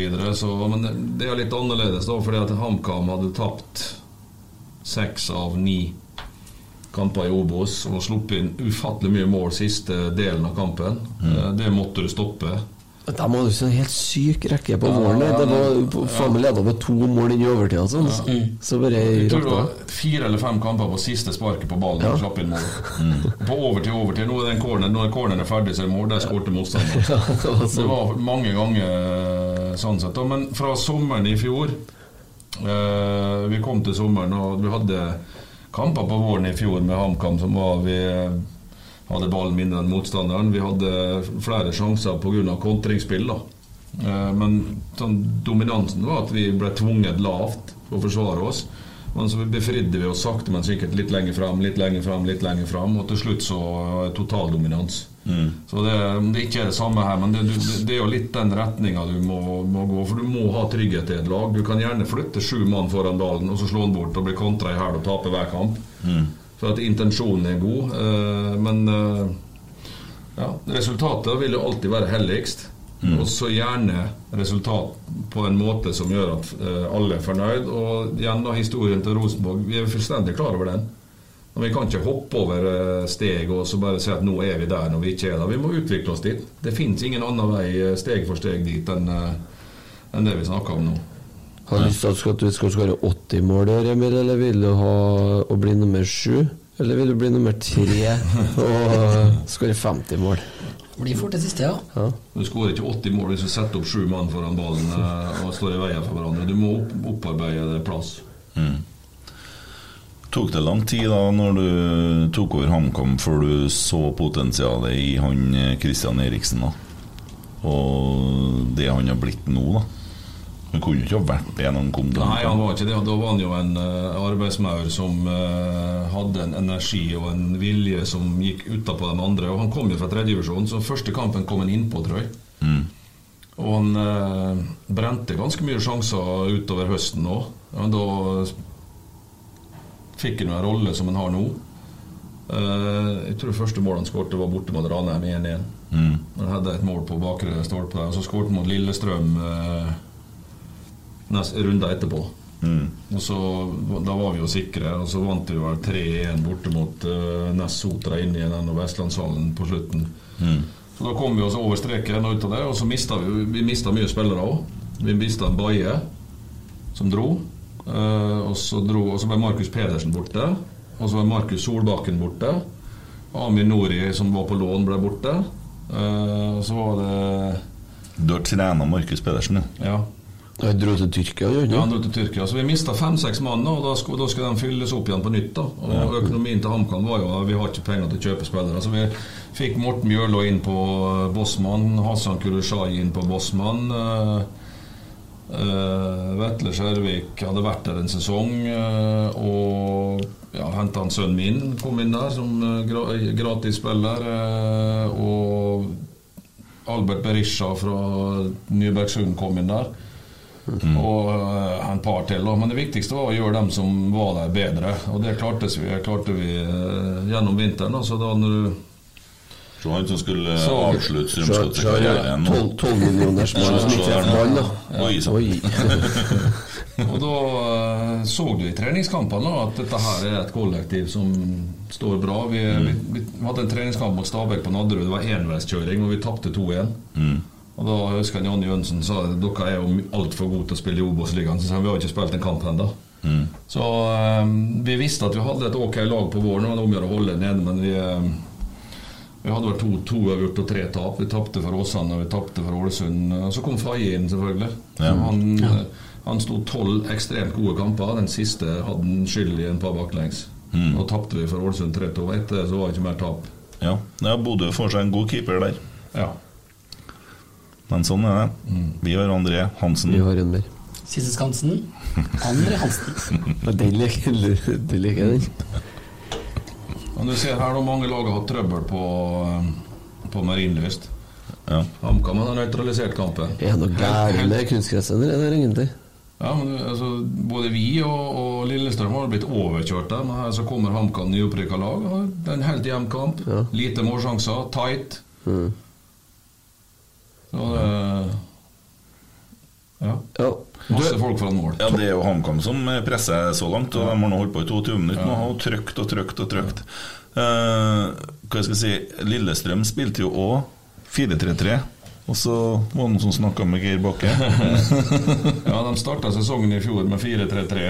Uh, de hadde spilt fire kamper og, og hadde en seier og tre tap. Nå skal jeg ikke ta på med Nei, Jeg sa vel dette, jeg skjønte, for vi møtte dem i en treningskamp, tror jeg. Og da sa jeg at jeg skjønner ikke hvorfor du ikke spiller med tre bak, men Ågbu i midten. Da er det ugjennomtrengelig. Og om det var det som gjorde det, eller han tenkte på det sjøl. Jeg tror han har tenkt på det sjøl. Og etter det så har Lillestrøm gått rett opp. Men du skulle ikke ha sagt det, eller? Nei. Ja, vi skal slå dem der. Ja, Dæven, vi har stygg rekke mot eh, Lillestrøm. Ja. Nå har vi tre strake tap mot dem. Den eh, stopper nå i høst. Ja, enn i fjor. Enn i fjor. Vi hadde rigga oss til, vi oppe i mediebua til Rosenborg, og hadde livepod og satt og kommenterte fotballkamp. Og vi var høye og mørke i pausen, tror du. Leda 1-0. Han steiket av, det var artig, ja. Spilte rett, dem, da. Så kom andreomgangen. Fy faen, det var tungt. Ja. Men, men. Der starta med dødball baklengs. vet du. Gjermund Aasen kom inn og Ja, slo inn i corneren. vi leste han det i adressa etterpå. Det. Ja, jeg leste sikkert i dagene før. Eh, Thomas Warholm, hva er den beste stadion han har vært spiller på, og den beste stadion han har vært trener på? Jeg må si Olympiastadion. Da å spille i Berlin foran 75 000 tilskuere fullsatt og slå Bayern München, den stemninga er den unner andre å få oppleve. Eh, som trener Jeg har jo vært Köln, Kaiserslautern. Når jeg trente Kaiserslautern, jeg spilte i Köln, München Gladbach, ny stadion der. Det er fantastiske stadion. Tar 50 000-60 000 å komme inn der som trener. Det, det gir jo et kick, da. Og i Gladbach så Det sjuke der er at vi hadde to mann utvist og spilte 20 minutter 9 mot 11 og, og pressa dem bakover og klarte å utligne helt på slutten av kampen. Det tror jeg Vi spilte var 3-2-3 og jaga mål. Og klarte å utligne Bjørn Rundstrøm, som eh, en svenske som kom Men det var i Molde for han? Ja. Han skårte utligningsmålet. Kom fra Fulham på lån. Herregud, du har vært med på mye forskjellig. Jeg har det. Kaiserslåterne de rykka jo opp fra tredje til andre. Ja, det. For to år siden så var han på vei ned i fjerde divisjon. Ja, Den klubben der er, den er umulig å få til. Men du var veldig ung som trener eh, nedi der, da? Uh, ja, i 2007 kom jeg dit. Ja. Fra sommeren til februar 2008. Mm. Så ja, jeg fikk jo Vålerenga kasta i fanget med 31-åring. Du må ta over. Ja. Han heiv ut Tom Nordli, og så kom investoren til meg og sa at eh, du må bare ta over, du. Mm. Ja, hvordan da? Ja, du får bare finne ut det sjøl. Du ble bare spillende trener da i 1, 2, 3 og 4. Mm. 2004 så spilte jeg ikke så mye på høsten, og da vi kjempa med Rosenborg om seriegullet det, og havna på antall skåra mål bak. Ja, den var, vi likte jo den, vi. Høsten der. Holdt igjen laget i pausen nå. Mm. Men eh, 2005, da. Og så Tom Nordli og Start. Og, så det er jo tidenes kamp på TV2. Du er jo pinadø sentral i alle de programmene, men det ene som du ikke er med på, det handler egentlig om deg, det òg. For det er jo Start som kjemper mot Vålerenga Mm. eh, om seriegullet. Og Fredrikstad for å unngå nedrykk. Og Dagfinn Enerly som brekker nakken. Ja, Og Start hadde fire i stanga. Første gang, ja. Ja. Da var det synd på dem, altså. Den er on, den episoden her. Ja, det, men sånn er fotball av og til. Og det, det er ingen, det er ikke, kampene er ikke ferdige før de er ferdige. Tromsø skåret på overtid og overtid her og sendte Vålerenga i kvalik. Så at vi fikk oppleve den sinnssyke kampen inn i Valhall der òg, 5-3. Ja. Vi hadde Ja. sluppet den hvis det hadde blitt 0-0 her. Arne Vidar Moen som skåret det målet. Stemmer det. Og han var, gjorde ikke det målet også. Han gikk vel til en ny klubb som rykka ned, var det sånn? Kan det stemme? Ja Jeg mener det var et eller annet sånt. Ja, det spesielt. Det var. Dan Orst var på fødestua. Ja, vet du. ja, ja. Fikk jo sånn kjeft av Ivar Hoff og Mini for at han eh, prioriterte å være med på fødsel. Oh! Keeperen torde ikke ta ballen. Det kunne han bare ha tatt ballen. På strek. Det var ikke sentring til Ja, keeperen. der. Halvor er 19 år. Ja, han er meget god spiller. Det er nært. Han som redda der. Ja, Salvesen til Bodø-Glimt. Ja. Håper han er glad i en fest. Ja, håper jeg òg. Ja, de har begynt å bruke mye penger oppi her, da. Håper han er jævlig tørst. Ja, Får vel ordna det. Guttene. Eh, hva skal jeg si Jo, du var, jo og så var det bonusspørsmål. Det var verste stadion. Spiller, å være spiller.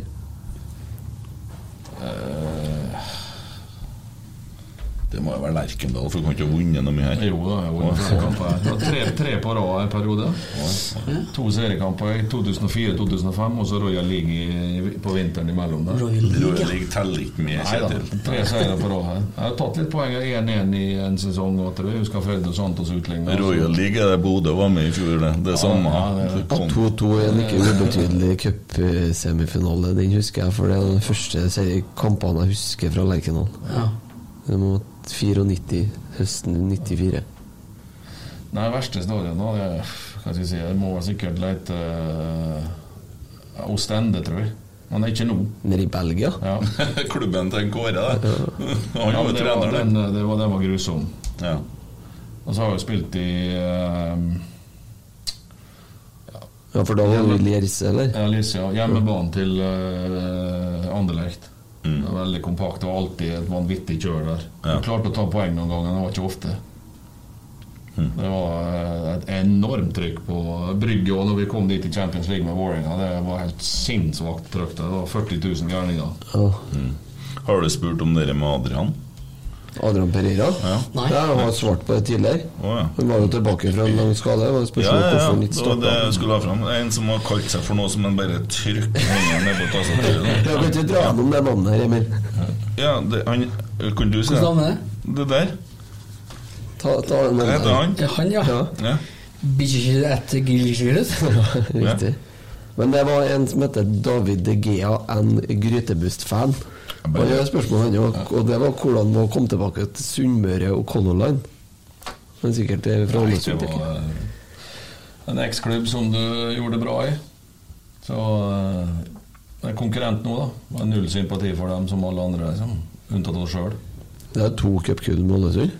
Ja, og tre år på rad i Europa. Fjerdeplass. Ja. Det begynte jo på bånn. Husker første kampen med HamKam borte. Slapp inn mål. Det var 2-0 etter tre minutter. Var første kampen min med Ålesund. 50 sekunder var det første baklengsmålet, og det andre etter tre minutter. Det ble 2-1 til slutt. da Og vi kom oss ut av det. ja, det er ikke vel brukbart, da. Ja, Vant cupen året etterpå. Ja. Jeg må innrømme jeg kosa meg virkelig Sånn som så cupfinalen i 2011, var det vel? Når eh, Det 2009, du tenker Molde? Nei, 2009, ja. Ja, når Karlsen ble utvist. Ja. Ja, ja, Høydepunktet mitt var at Molde tapte cupfinalen på Trondheimspark. Ja, jeg skjønner. Men uh, når en Karlsen ble utvist, det var, da var, så det mørkt ut for Ålesund. Ja, lå under 1-0 lå vi. Ja. Ja. Ja, ja, ja. Jeg spilte 70 minutter med en mann mindre på var bedre enn dem. Det var Ja. fortjent. Det var noen situasjoner som Vi vet at han mot, mat, nei, Mota, Jose Mota Jonathan Parr skulle hatt rødt kort. Mm. Da hadde det vært 9 mot 11, men det har fortsatt vært mulig. Ja, men for det var ikke straffe, det var frispark. det var utenfor, ja. ja. Men det var vanskelig å se. Ja, ja, men så er det sikkert noen situasjoner andre veien nå, vet du. Ja, ja, det er klart. Det skulle vært første mål skulle vært annullert for å dytte i ryggen på Amund Shiri. Ja. kom en melding fra lillebror. En uavgjort, så vinner jeg penger. ja, da vinner vi uansett, da. Kan få muligheten nå, Jonas, til å dele premien. ja. Eh, David Tolland. Og så får jeg til å uttale etternavnet. Kan du gjøre det, med som er godt BI? Asne- Asneges. Hæ? Asneges. Oh, ja. Hvordan vil han beskrive de største st forskjellene mellom 3-5-2 og 4-3-3? Det er noen som ikke slipper 4-3-3. Altså. Eh, tre, du har mer offensiv slagkraft i 3-5-2. Du har to spisser foran mål, du har to indreløpere som kom inn, og du har motsatt kant, og så har du en, et anker som kommer opp, så du beleirer 16-meteren til motstanderen på et helt annet måte. Mm. Det, og så kan du falle ned og dekke hele banen på en annen måte når du forsvarer lavt. Ja. Hva vil du si svakheten med det? da? Det er hvis du blir baktung. Hvis du blir stående med fem bak. Det blir store rom for de tre på midten. Vi ble jo litt baktunge en stund i går. Og da gjør du jo et grep, for da legger du om til 3-4-3, Ja, sant? ja. ja. Og Da får du tre mot tre på topp og presse, og da får du to mot to på midtbanen. Så får du flytta laget opp, for du får, det er mye enklere for wingbackene å kan stå opp i spilleren sin, istedenfor at du må forholdes til to stykker. Du tør ikke stå opp og vise at du gir, gir, gir bort rom bak deg. og Da, blir du, ta, da tar du og kontrollerer den spilleren som er høyest i banen, men da har de et spillpunkt foran deg, og da blir det to mot én. Mm. Så øh, det, dette er jo litt sånn øh, Ja, det er spill mot spill, selvfølgelig. Ja. Vi sto jo mye mann-mann i starten på fjoråret, husker jeg. Spesielt den første kampen. Det er sånn typisk bilde der vi f egentlig fikk det til kanskje best av alle kampene. var Borte mot Vålerenga. Første serierunde i fjor 1-1. Og da sto vi mann-mann hele banen. Det, er bare, altså, det var jo ikke noen formasjon, egentlig. Vet du, bare splitta opp alt. Mm. Og så Det er litt mer struktur nå, virker det som. Altså, det er så herlig å se, Men- for det er så mange kamper vi starter i hundre og helvete når vi begynner har kampen. det har vi jobba mye med. For Vi har hatt noen kamper vi har vært passive når vi starta, men nå har vi fått det i blodet at det er full gass når vi Ja, kommer ut. dæven, det, men det var noe annerledes med oppvarminga i går. Det var du som skrev, Christer? Ja, det, det stusser jeg på. For jeg så på det første gangen jeg har sett at, eh, at de eh, la inn noen sånne drag liksom på slutten av eh, oppvarminga. Altså, og varma opp mye tettere inn mot kampstart. Jeg, vet ikke, jeg bruker aldri å gå ut. da Det er da jeg bruker å gå gjennom eh, alle normale og unormale scenarioer. Så det er veldig sjelden Du sitter på dass og snakker med en Geir da, og forteller at nå blir det 1-1 og straffe. Ja, jeg kanskje legger meg på massasjebenken og uh, bruker den minutta der på litt andre ting. Men uh, det er jo litt etter behov. da Noen trenger det, og noen trenger det på oppvarming. Det viktigste er at du er klar. Ja. Ja, vi stussa på det i går, for du måtte være veldig trygg. For vanligvis så kommer du og snakker med oss, og vi får fortalt litt. eh, satt opp laget. Og, Ja, ja, riktig. Ja. Jeg prøvde meg jo dagen før her med noen tips, men der bomma jeg jo forferdelig. Og det er jo tydelig at hvorfor du er trener, ikke meg. Ja, Ja, det hadde vært ille hvis det skulle vært uh, Det er. Artig å prøve seg å melde litt. Ja, så, så vi ser på HamKam nå så HamKam nå ligger jo eh, sånn relativt lavt med en femmer nå. Ja. De forsvarer seg i sone nå, ikke Ja. sant? Mm. Eh, og så, eh, men når de står høyt, så står de mann-mann der òg. Ja, ja. Og, det, og det største problemet vårt defensivt i fjor var jo at vi aldri klarte å omstille oss fra å stå mann-mann til å dette ned i sone og dekke rom. Ja, Og så har du tre stoppere foran eget mål, da. Det er vanskelig å skåre mål på det. Sånn. Dueller, Der. den ser du der. Ja, dette har vært, eh, da har du, ja, du har, Hvis én stopper blir med ut og dekker litt sone, skal gi understøtte til wingbacken din, og så har du fortsatt to stoppere innenfor en mål istedenfor én i en firer. Et spørsmål, Christer. Har du noen gang sett en Gus, Gun, Gunnar Gustav Walsik smil? Uh, ja, når han skåra mot oss. Ja, ja. Ja, det var den gangen, ja. ja da, Da Det var denne gangen. Ja, jeg har aldri sett en smil. Aldri sett en smile. Nei. Jeg smila sikkert når han signerte kontrakten med Rosenborg. Jeg smila mer når han fikk ferd. Eller han andre smila. Han Jim. Ja, ja, ja, Du har noen flere spørsmål? Krimi. Sant? Jeg har noen, noen til, tror jeg.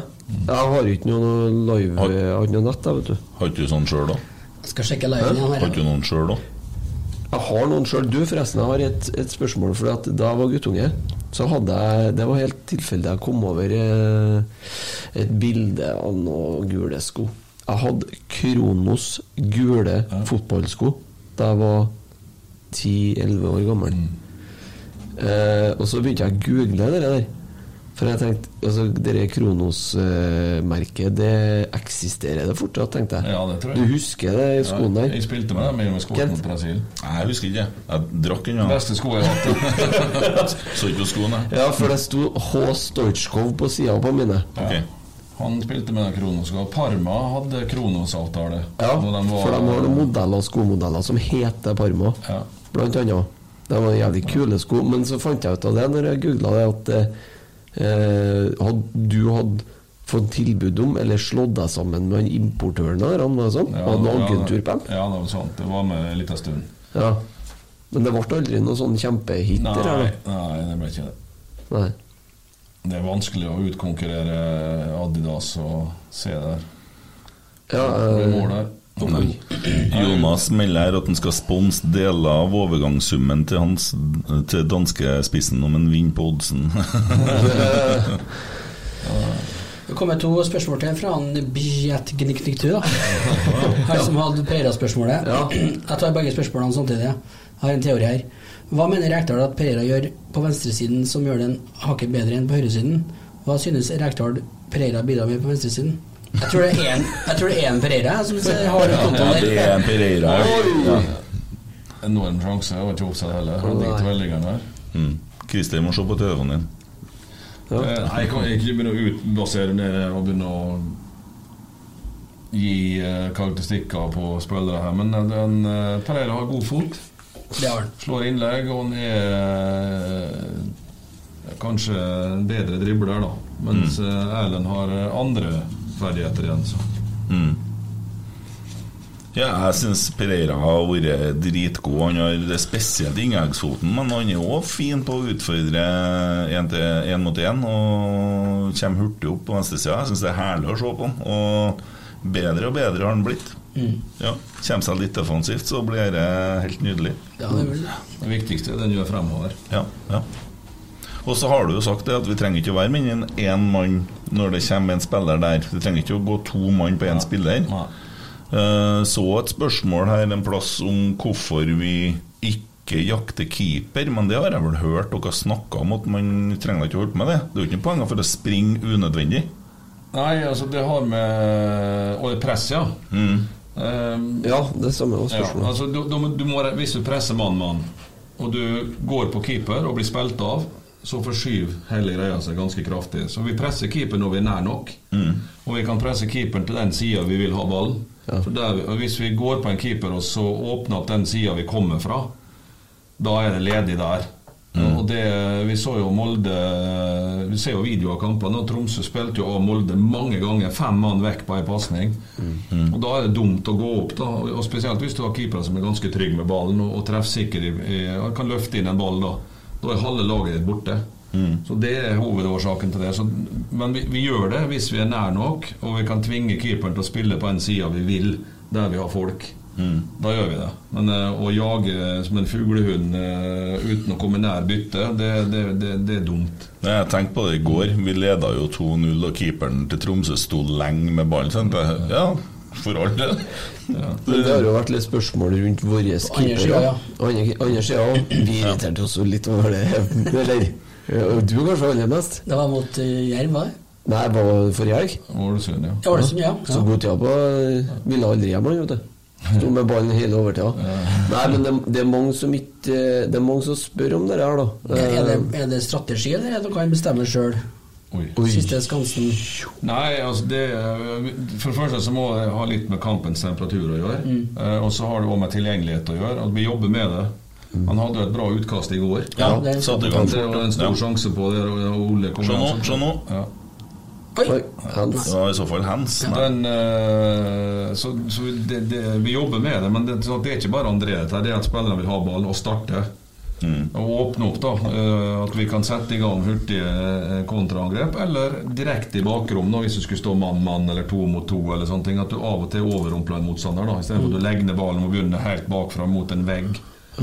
Så vi, og Dette er ikke bare André, det, det, det er hele laget.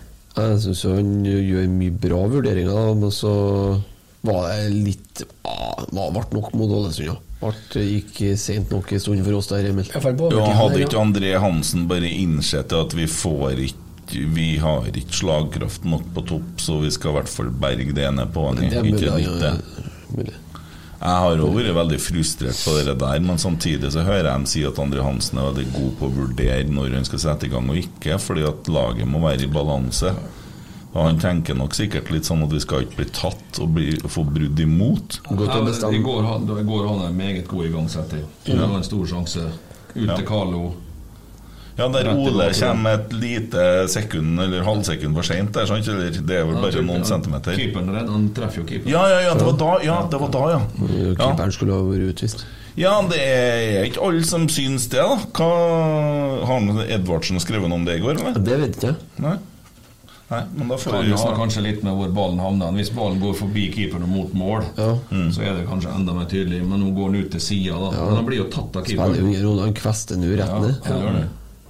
Så Men Hansen har jo vært eh, Han har jo redda noen poeng for oss i år òg. Han har ja, han er matchvinner, eh, så vi kan ikke henge på han at han er treg. Ja, på Hamar så har vi en grusom start på kampen. Her hadde noen viktige redninger i starten. Ja. ja. Null tabber. Bare eh, har eh, ikke skjedd noen av, i hvert fall.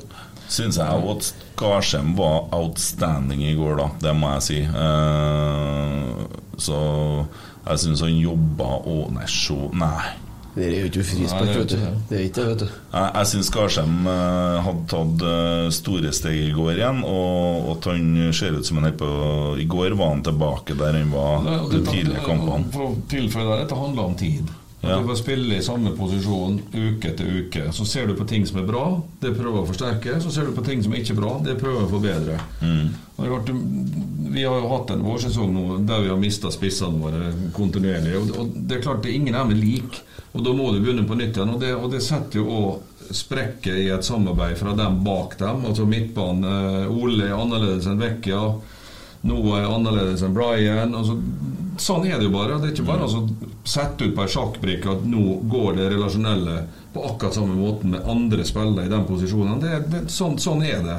Og Så kan vi gjerne irriteres over det. Vi er jo frustrert når vi, når vi reiser hjem fra Ålesund med 0-0 og har to-tre sjanser bare. Det går jo inn på oss. Ja. Men uh, hva er det største forbedringspunktet Eller der vi har størst forbedringspotensial? Hvis du skal ta noe da, Vi er ferdig, vi har jo på en måte oppsummert første Ja. halvdel. Ja, ja, det er kontringsspillet vårt. Ja. At vi, er, at vi er mer rett på mål, og at vi er mer presise, og at vi kommer til uh, oftere avslutninger og spiller ut overtallet på en bedre måte. Ja. Både hjem og bort. Ja. Ja. Du, Emil Almås har akkurat sendt inn en på Twitter her. Ja, Skal du ta ta den, eller? Ja. Hilse fra Molde. Her er det finvær og 1000 varmegrader som alltid. Litt lange arbeidsdager, litt lange arbeidsdager og skummel sjef, ellers ok. Apropos det, hvor jævlig er det for Reka at Hamilton og Mercedes blir knust av Verstappen hver helg?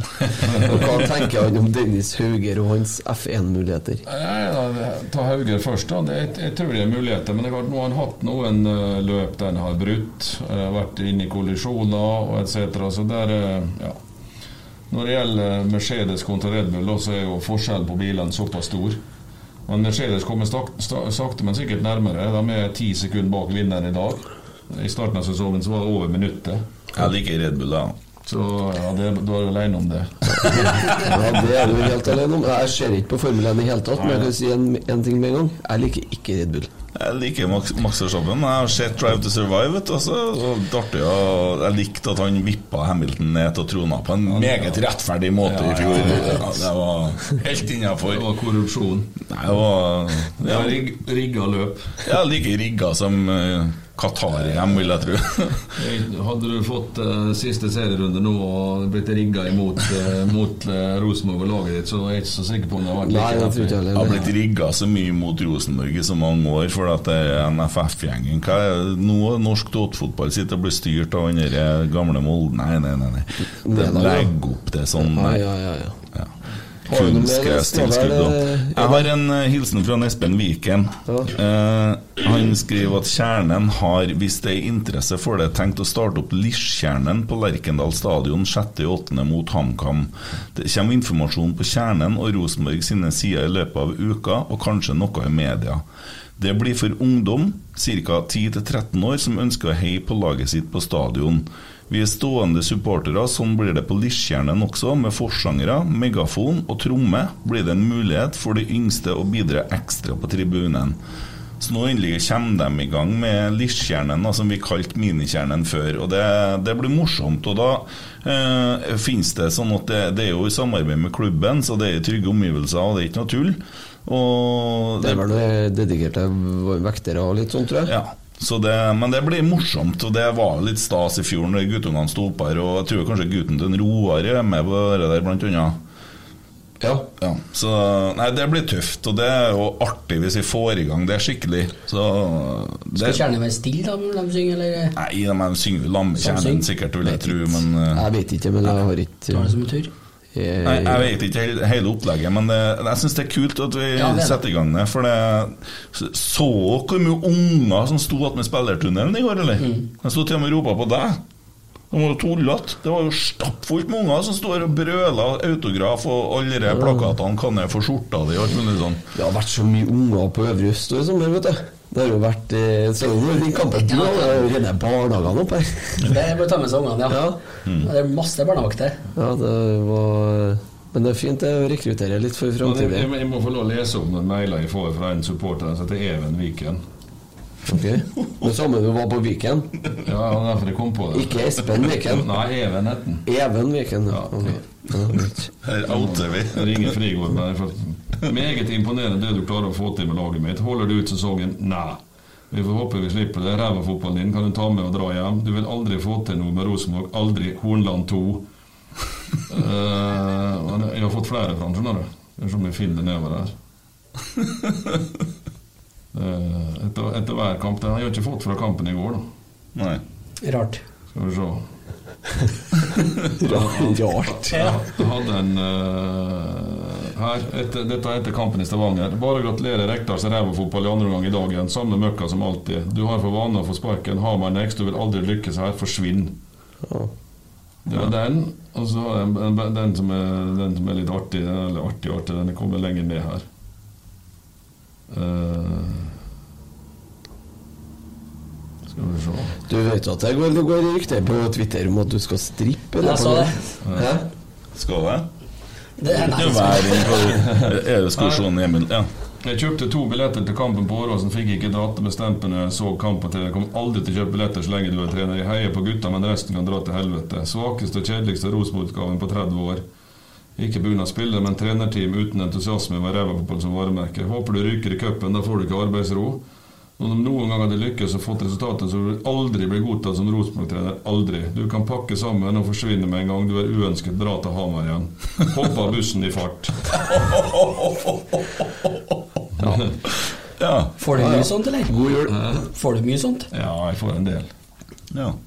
Men det ja. Nei, men Jeg skjønner at folk eh, orker.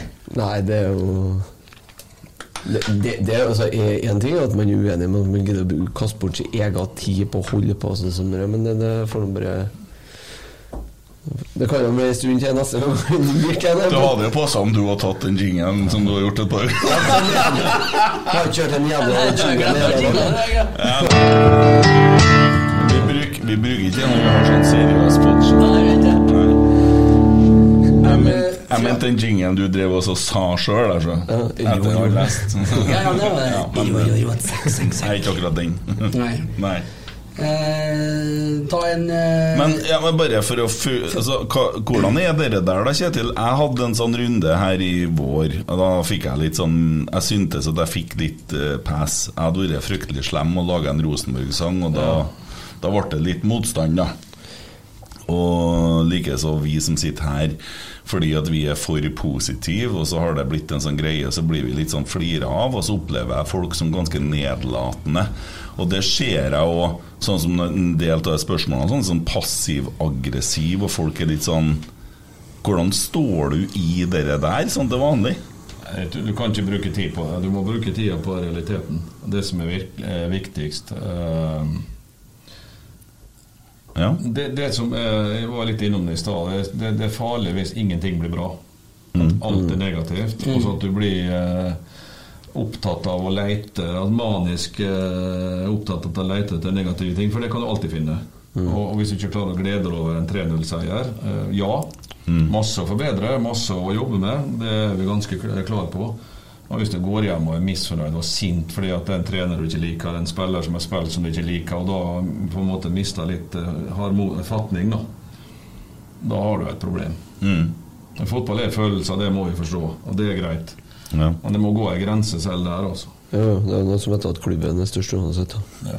Jo, men der, der blir jo litt av problemet, da. Fordi at det virker som enkelte supportere setter seg sjøl foran klubben, på en måte. Ja, hvis du skjønner hva jeg mener. For uh, det er noe med hvor altså, mengden negativitet. Og som jeg sier, jeg kom på kamp i går, var og snakka med han uh, Erik. Eh, Geir eh, Island og, og, og sitter sammen med dere, og vi prater litt skit, og så ser vi egentlig en god fotballkamp og flirer litt og har det hyggelig. Og går hjem og har en god følelse. Det er jo, det er jo kjempefint, det. Og ok, det kanskje blir ikke gull av det i år, men herregud, hvor heldige vi er som har det her. Men jeg føler egentlig at det har vært Jeg føler egentlig at sånn eh, fra oppkjøringa her For altså, den oppkjøringa var jo med tanke på resultatene og så så kunne det jo blitt ordentlig ordentlig tungt å starte på. Men jeg føler egentlig at det har vært en sånn eh, fra jul, egentlig, en positiv drive hele veien. Og i hvert fall der jeg står, da, så på, på Øvre Øst. Den positive Altså den gutsen og det oppmøtet som har vært på bortekampene i år. Så det har ikke vært så bra på bortekampene på fem-seks år. I hvert fall. Det var liksom midt i når Kåre-æraen var på det beste. Da var det sånn som det er nå. Mm. Fylle hele kortsida på Åråsen og Og det blir det snakka om i, spiller, i spillergruppa, og vi legger merke til og er utrolig takknemlige for det. For det gir oss noen prosent ekstra. Ja, Så får nå dem som vil sitte og grave i driten, grave i driten, da. Altså det dere som hørte i starten, det er jo sånn Det kaller jeg for utskudd, da. Men eh, For det vil alltid være noen, ikke sant? Eh, I en, I en mengde så vil det alltid være det. Men eh, sånn generelt så føler jeg jo at eh, at det har vært en positiv tror jeg Du ser da på humøret til spillerne, da. Du skal jo slippe å svare på det, men dere to Ja, ja. Jo, men fjor kontra i år. Ja, de kommer hit og deler og flirer og styrer og er engasjert. Det er kjempeartig. Men tenk deg da, hvis at, hvis at hele Trøndelag har vært optimistisk og positiv i en litt større grad, Hadde ikke det ville påvirka litt samfunnet i Rosenborg, tror du? Altså, Du får litt godfeelingen i stedet for å må gå og se drit hver jævla dag. Ja, men det er alltid noen sånne, vet du. Og så er det sånn det at i er sosiale sånn- medier i dag nå, så har, er, det en er det en plass, ikke sant? Det er Ja. det som er Alle har muligheten til å ytre seg hele tida. Ja. Og det er det jeg mener med at folk setter seg sjøl foran klubben. At folk, noen, noen få sikkert. Eh, fordi at det er viktigere å få likes eller få til en diskusjon enn å være med å bygge noe og spille noen god, som de brukte å si i Godfotpodden, som egentlig er en ganske fin ting. da Altså Være med å spille klubben god, det kan du jo gjøre som supporter, det kan du jo gjøre i sosiale medier. Jeg mener det. Over til andre sida på skalaen, da. Kristian Lauglo.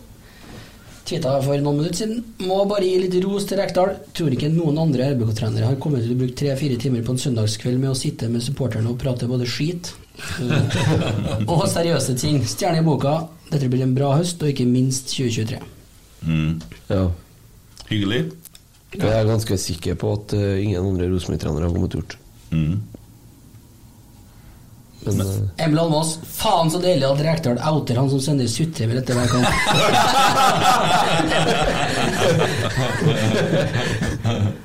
Få det på. ja, Emil er Mm. Årets TV-øyeblikk, skriver Jonas, om det leser opp de mailene der. Er potensiell Ah, vi får Ja, nå det kan var jo et dekknavn, da. Ja. ja, det kan jo være. Ja. Jeg er sikker på at det navnet er det som jeg kanskje googla mest det siste. Siste ti minutter. Jeg sjekka på Facebook, jeg fant ikke noe sånt. ekte. Nei. Nei, men det kan jo bli skjorte, dere. Hoppa bussen i fart. I hvert fall pille stillhet. Ja, ja, ja. Hoppa bussen i fartskjorte, ja. Ja. Det er fin. Ta bilde av at Kjetil står på tur og hopper av bussen. Ja. Stay in Kan the ikke ha boat. stor fart, iallfall. Giraff til To kilometer i timen. Altså. Ja. Christer så på telefonen din i stad når jeg spurte ham, eller? Jeg gjorde det, ja. Ja, ja. Ja, jeg har fått med meg de Er du sikker på at han ikke fikk to gule? Nei eh, Jo, han fikk to gule, jeg fikk melding om det. Ja, men det er Der fikk han rødt. Altså, Ja, men han, han, han sto med gule kort i han fikk det Ja, jeg ja, tror ok. det, ja. ja, det, det var han Sarpsborg-spilleren, ja. ja, men det er jo helt merkelig at han får det der. Nei, han var seint ute. Det er Ja. riktig med gult kort. Å, ja. Jeg var greit, det, altså. Ja. Der er dere ta av seg skjorta før mål. Altså, Ole Sæter igjen i går hadde en sånn liten sånn kranglefantepisode. Vi må slutte med det der dere gulkortene. Det, Ja, han er heldig som slipper unna i går, og i forrige hjemmekamp så er Tobias Børkøy som redda han. ja, må må slutte med det der tullet. Altså, det er greit nok å det stille til opp. enhver- det til enhver dag. Hold eh, temperamentet på riktig nivå. Ja, men ja, for, altså, sier jeg, ja, Markus Henriksen forsvarer lagkompisen sin, greit Mm. nok, men det har da aldri fungert å gå bort til dommeren og så stille seg og brøle til ham. Det har jo aldri skjedd at dommeren har sagt 'ok, jeg tok feil'. jeg- Det, det er ikke sånn. Også, Ja, du, må, du må holde fatninga. Det er bare sånn. Det hopes opp med gule og røde kort. Det blir, det, det blir jo straffa for senere. Ja, det, vi ble jo det. Vi, hadde, vi spilte jo uten Adrian da mot Jerv, sant? fordi at han har fire gule. Jeg er helt sikker på at noen av dem kanskje har vært sånn irriterende gule.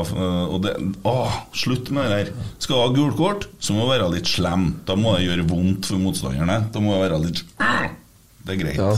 Ta kyniske gule kort, helt greit. Ja, altså, det, Da får motstanderen vondt, i hvert fall. Spark dem ned på overganger eller noe sånt når de kan ta oss i ubalanse. Det er gulkort som tar for laget. Sånne tullekort som eh, vi nesten fikk i går, det er unødvendig. Mm.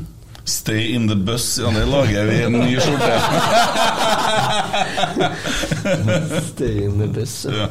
Ny greie, vi. Emil Eide som eh, bussjåfør. Ja. Jeg tror jeg har jeg, Fram til kvart på fem i dag så har jeg fått med alle spørsmålene, tror jeg, i papirformat. Emil, du spør meg om jeg har nummeret til Frigård. Skulle du ringe ham? Nei, jeg ringte meg nettopp. Kjetil nettopp. Ja. Skulle du snakke med en Geir? Skal jeg ringe ham? Vi, vi kan ringe ham. Får vi den her? Skal vi ringe en eh, Frigård på Ja, Nei, men jeg kan ringe han fra studio. Ja, ja, okay. Ja, så han blir forbanna Han spurte om det går bra. ja. ja, sist så fikk han det så travelt han, at han får ikke være med. Skal vi se mye Han fiska laks denne uka, da. 6,5 kilo. Oi, ennå? Han var strålende fornøyd. Forrige gang Men var på, da fikk han ål. Han skjøn... Hallo? Hei, du er rett på pod, bare så jeg advarer deg med en gang. Hallo, Kent. Hei. Er du på, er du på pod? Du må ikke ringe meg midt under sendinga, vet du. Vi sitter jo her og sender Jeg må jo passe på deg litt. Ja, vi skal snart avrunde nå. Har det gått greit? Ja, ja, ja, det har det sikkert. Helt til for et kvarter siden. Ja, det gikk Vi sitter- og helt på ennå, altså. Så det. Du er på, du er på pod ennå? Ja, ja. Ja, Reka har klart seg bra, eller? Jeg har ikke fått hørt på det i dag. Ja, syns jo det. Har fått litt skryt på Twitter og sånn. Han får sikkert et par mailer til i boksen sin i løpet av kvelden. Ja, jeg, vår gode venn Even er vel på jobb? Jeg glemte si, jeg glemte å si at du får dem òg, da. ja, ja. Vi lager en ny Ja, skjorte. men vi. det, forskjellen på meg og deg, Reka, er at eh, den går rett i søppelposten min. Men eh, du leser dem jo og bruker tid på dem. Det gjør ikke jeg. Etter hvert så leser jeg den opp, ja. Ja. Femte gangen, da er det greit. Vi lager en ny skjorte som det står 'Stay in the bus' på, vi nå, for han skulle ha han til å hoppe av bussen i fart. Så. Ja, faen, det, det er bra. Stay in the bus, Reka. Den T-skjorta skal jeg ha. Det skal jeg love deg. Men han, han eh, Ja, vi tar bare Ja, han vet at han er på live. Det er the bus, Reka. Men Ja, det er faen meg Ja. fantastisk. vi bruker å ha sånne her magiske øyeblikk når vi passerer 1 time og 40 minutter. Da blir det litt skitprat, og det skjedde på tre timer. Du, Geir han Kjetil sier at han har bedre hårfeste enn deg. Ja, det har han. Han har, men han har jo knapt nok hår igjen, da. Så det er jo et lite drawback. Ja, men han har på en måte bedre hårfeste, men mindre hår. Det er det vi snakker om. Ja, tenker, det er riktig. tenker du om resultatet, Geir? Ok at Vikings tapte? Ja, det er bra med Viking. Og så er jeg jævlig skuffa at Molde får skvisa ut en seier til slutt der. Faen, det irriterer meg. altså. Jævlig irriterende. Man har ikke gjort så mye med det, men Sand- eh, Sandefjord er litt for naiv. vet du. De skal prøve å spille åpent og Molde får kontre på dem. ikke sant?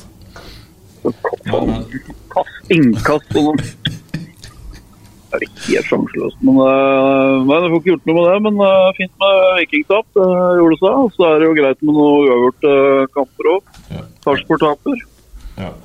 Ja, det Spennende å se HamKam òg nå. Det var greit resultat der, for så vidt. Ja, det er helt greit. Håper det blir uavgjort. Ja.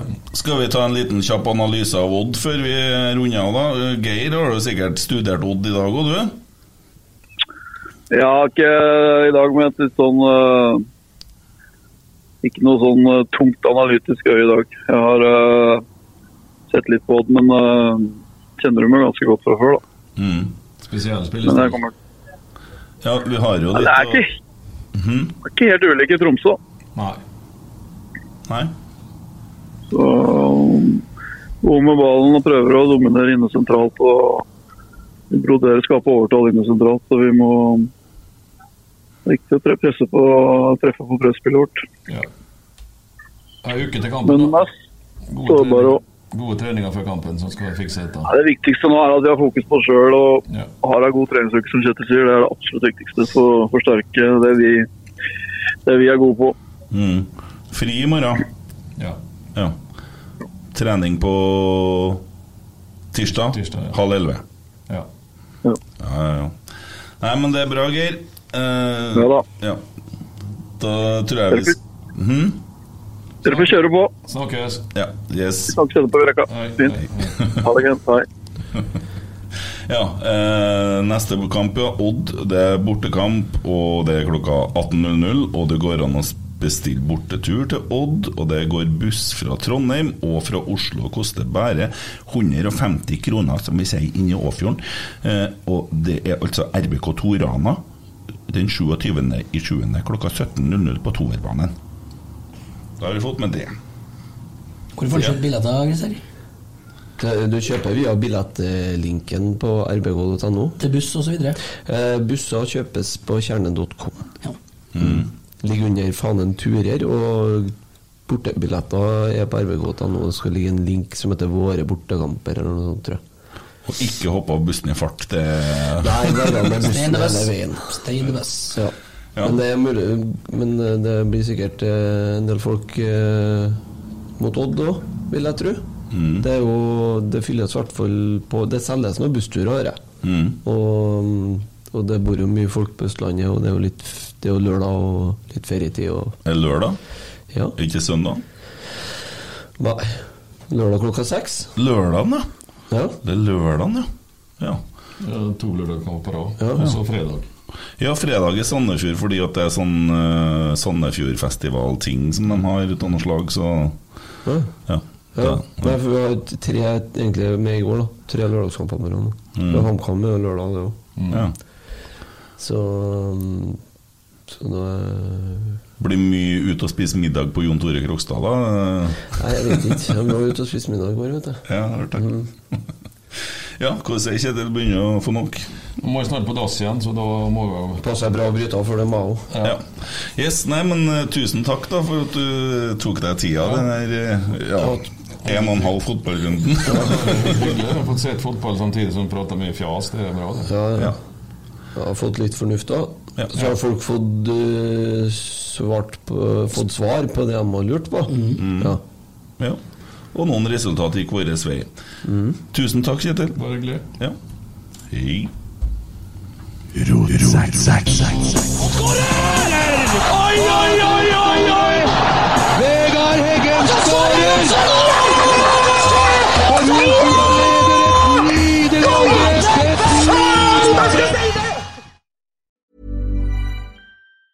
Hi, I'm Daniel, founder of Pretty Litter. Did you know cats tend to hide symptoms of sickness and pain? I learned this the hard way after losing my cat, Gingy. So I created Pretty Litter, a health monitoring litter that helps detect early signs of illness by changing colors, saving you money and potentially your cat's life. Pretty Litter is veterinarian developed, and it's the easiest way to keep tabs on your fur baby's health right at home. Go to prettylitter.com and use code ACAST for 20% off your first order and a free cat toy. Terms and conditions apply. See site for details. Even when we're on a budget, we still deserve nice things.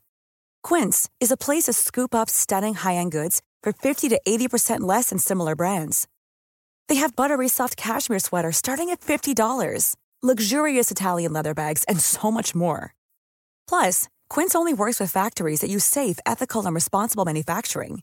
Get the high-end goods you'll love without the high price tag with Quince. Go to quince.com slash style for free shipping and 365-day returns.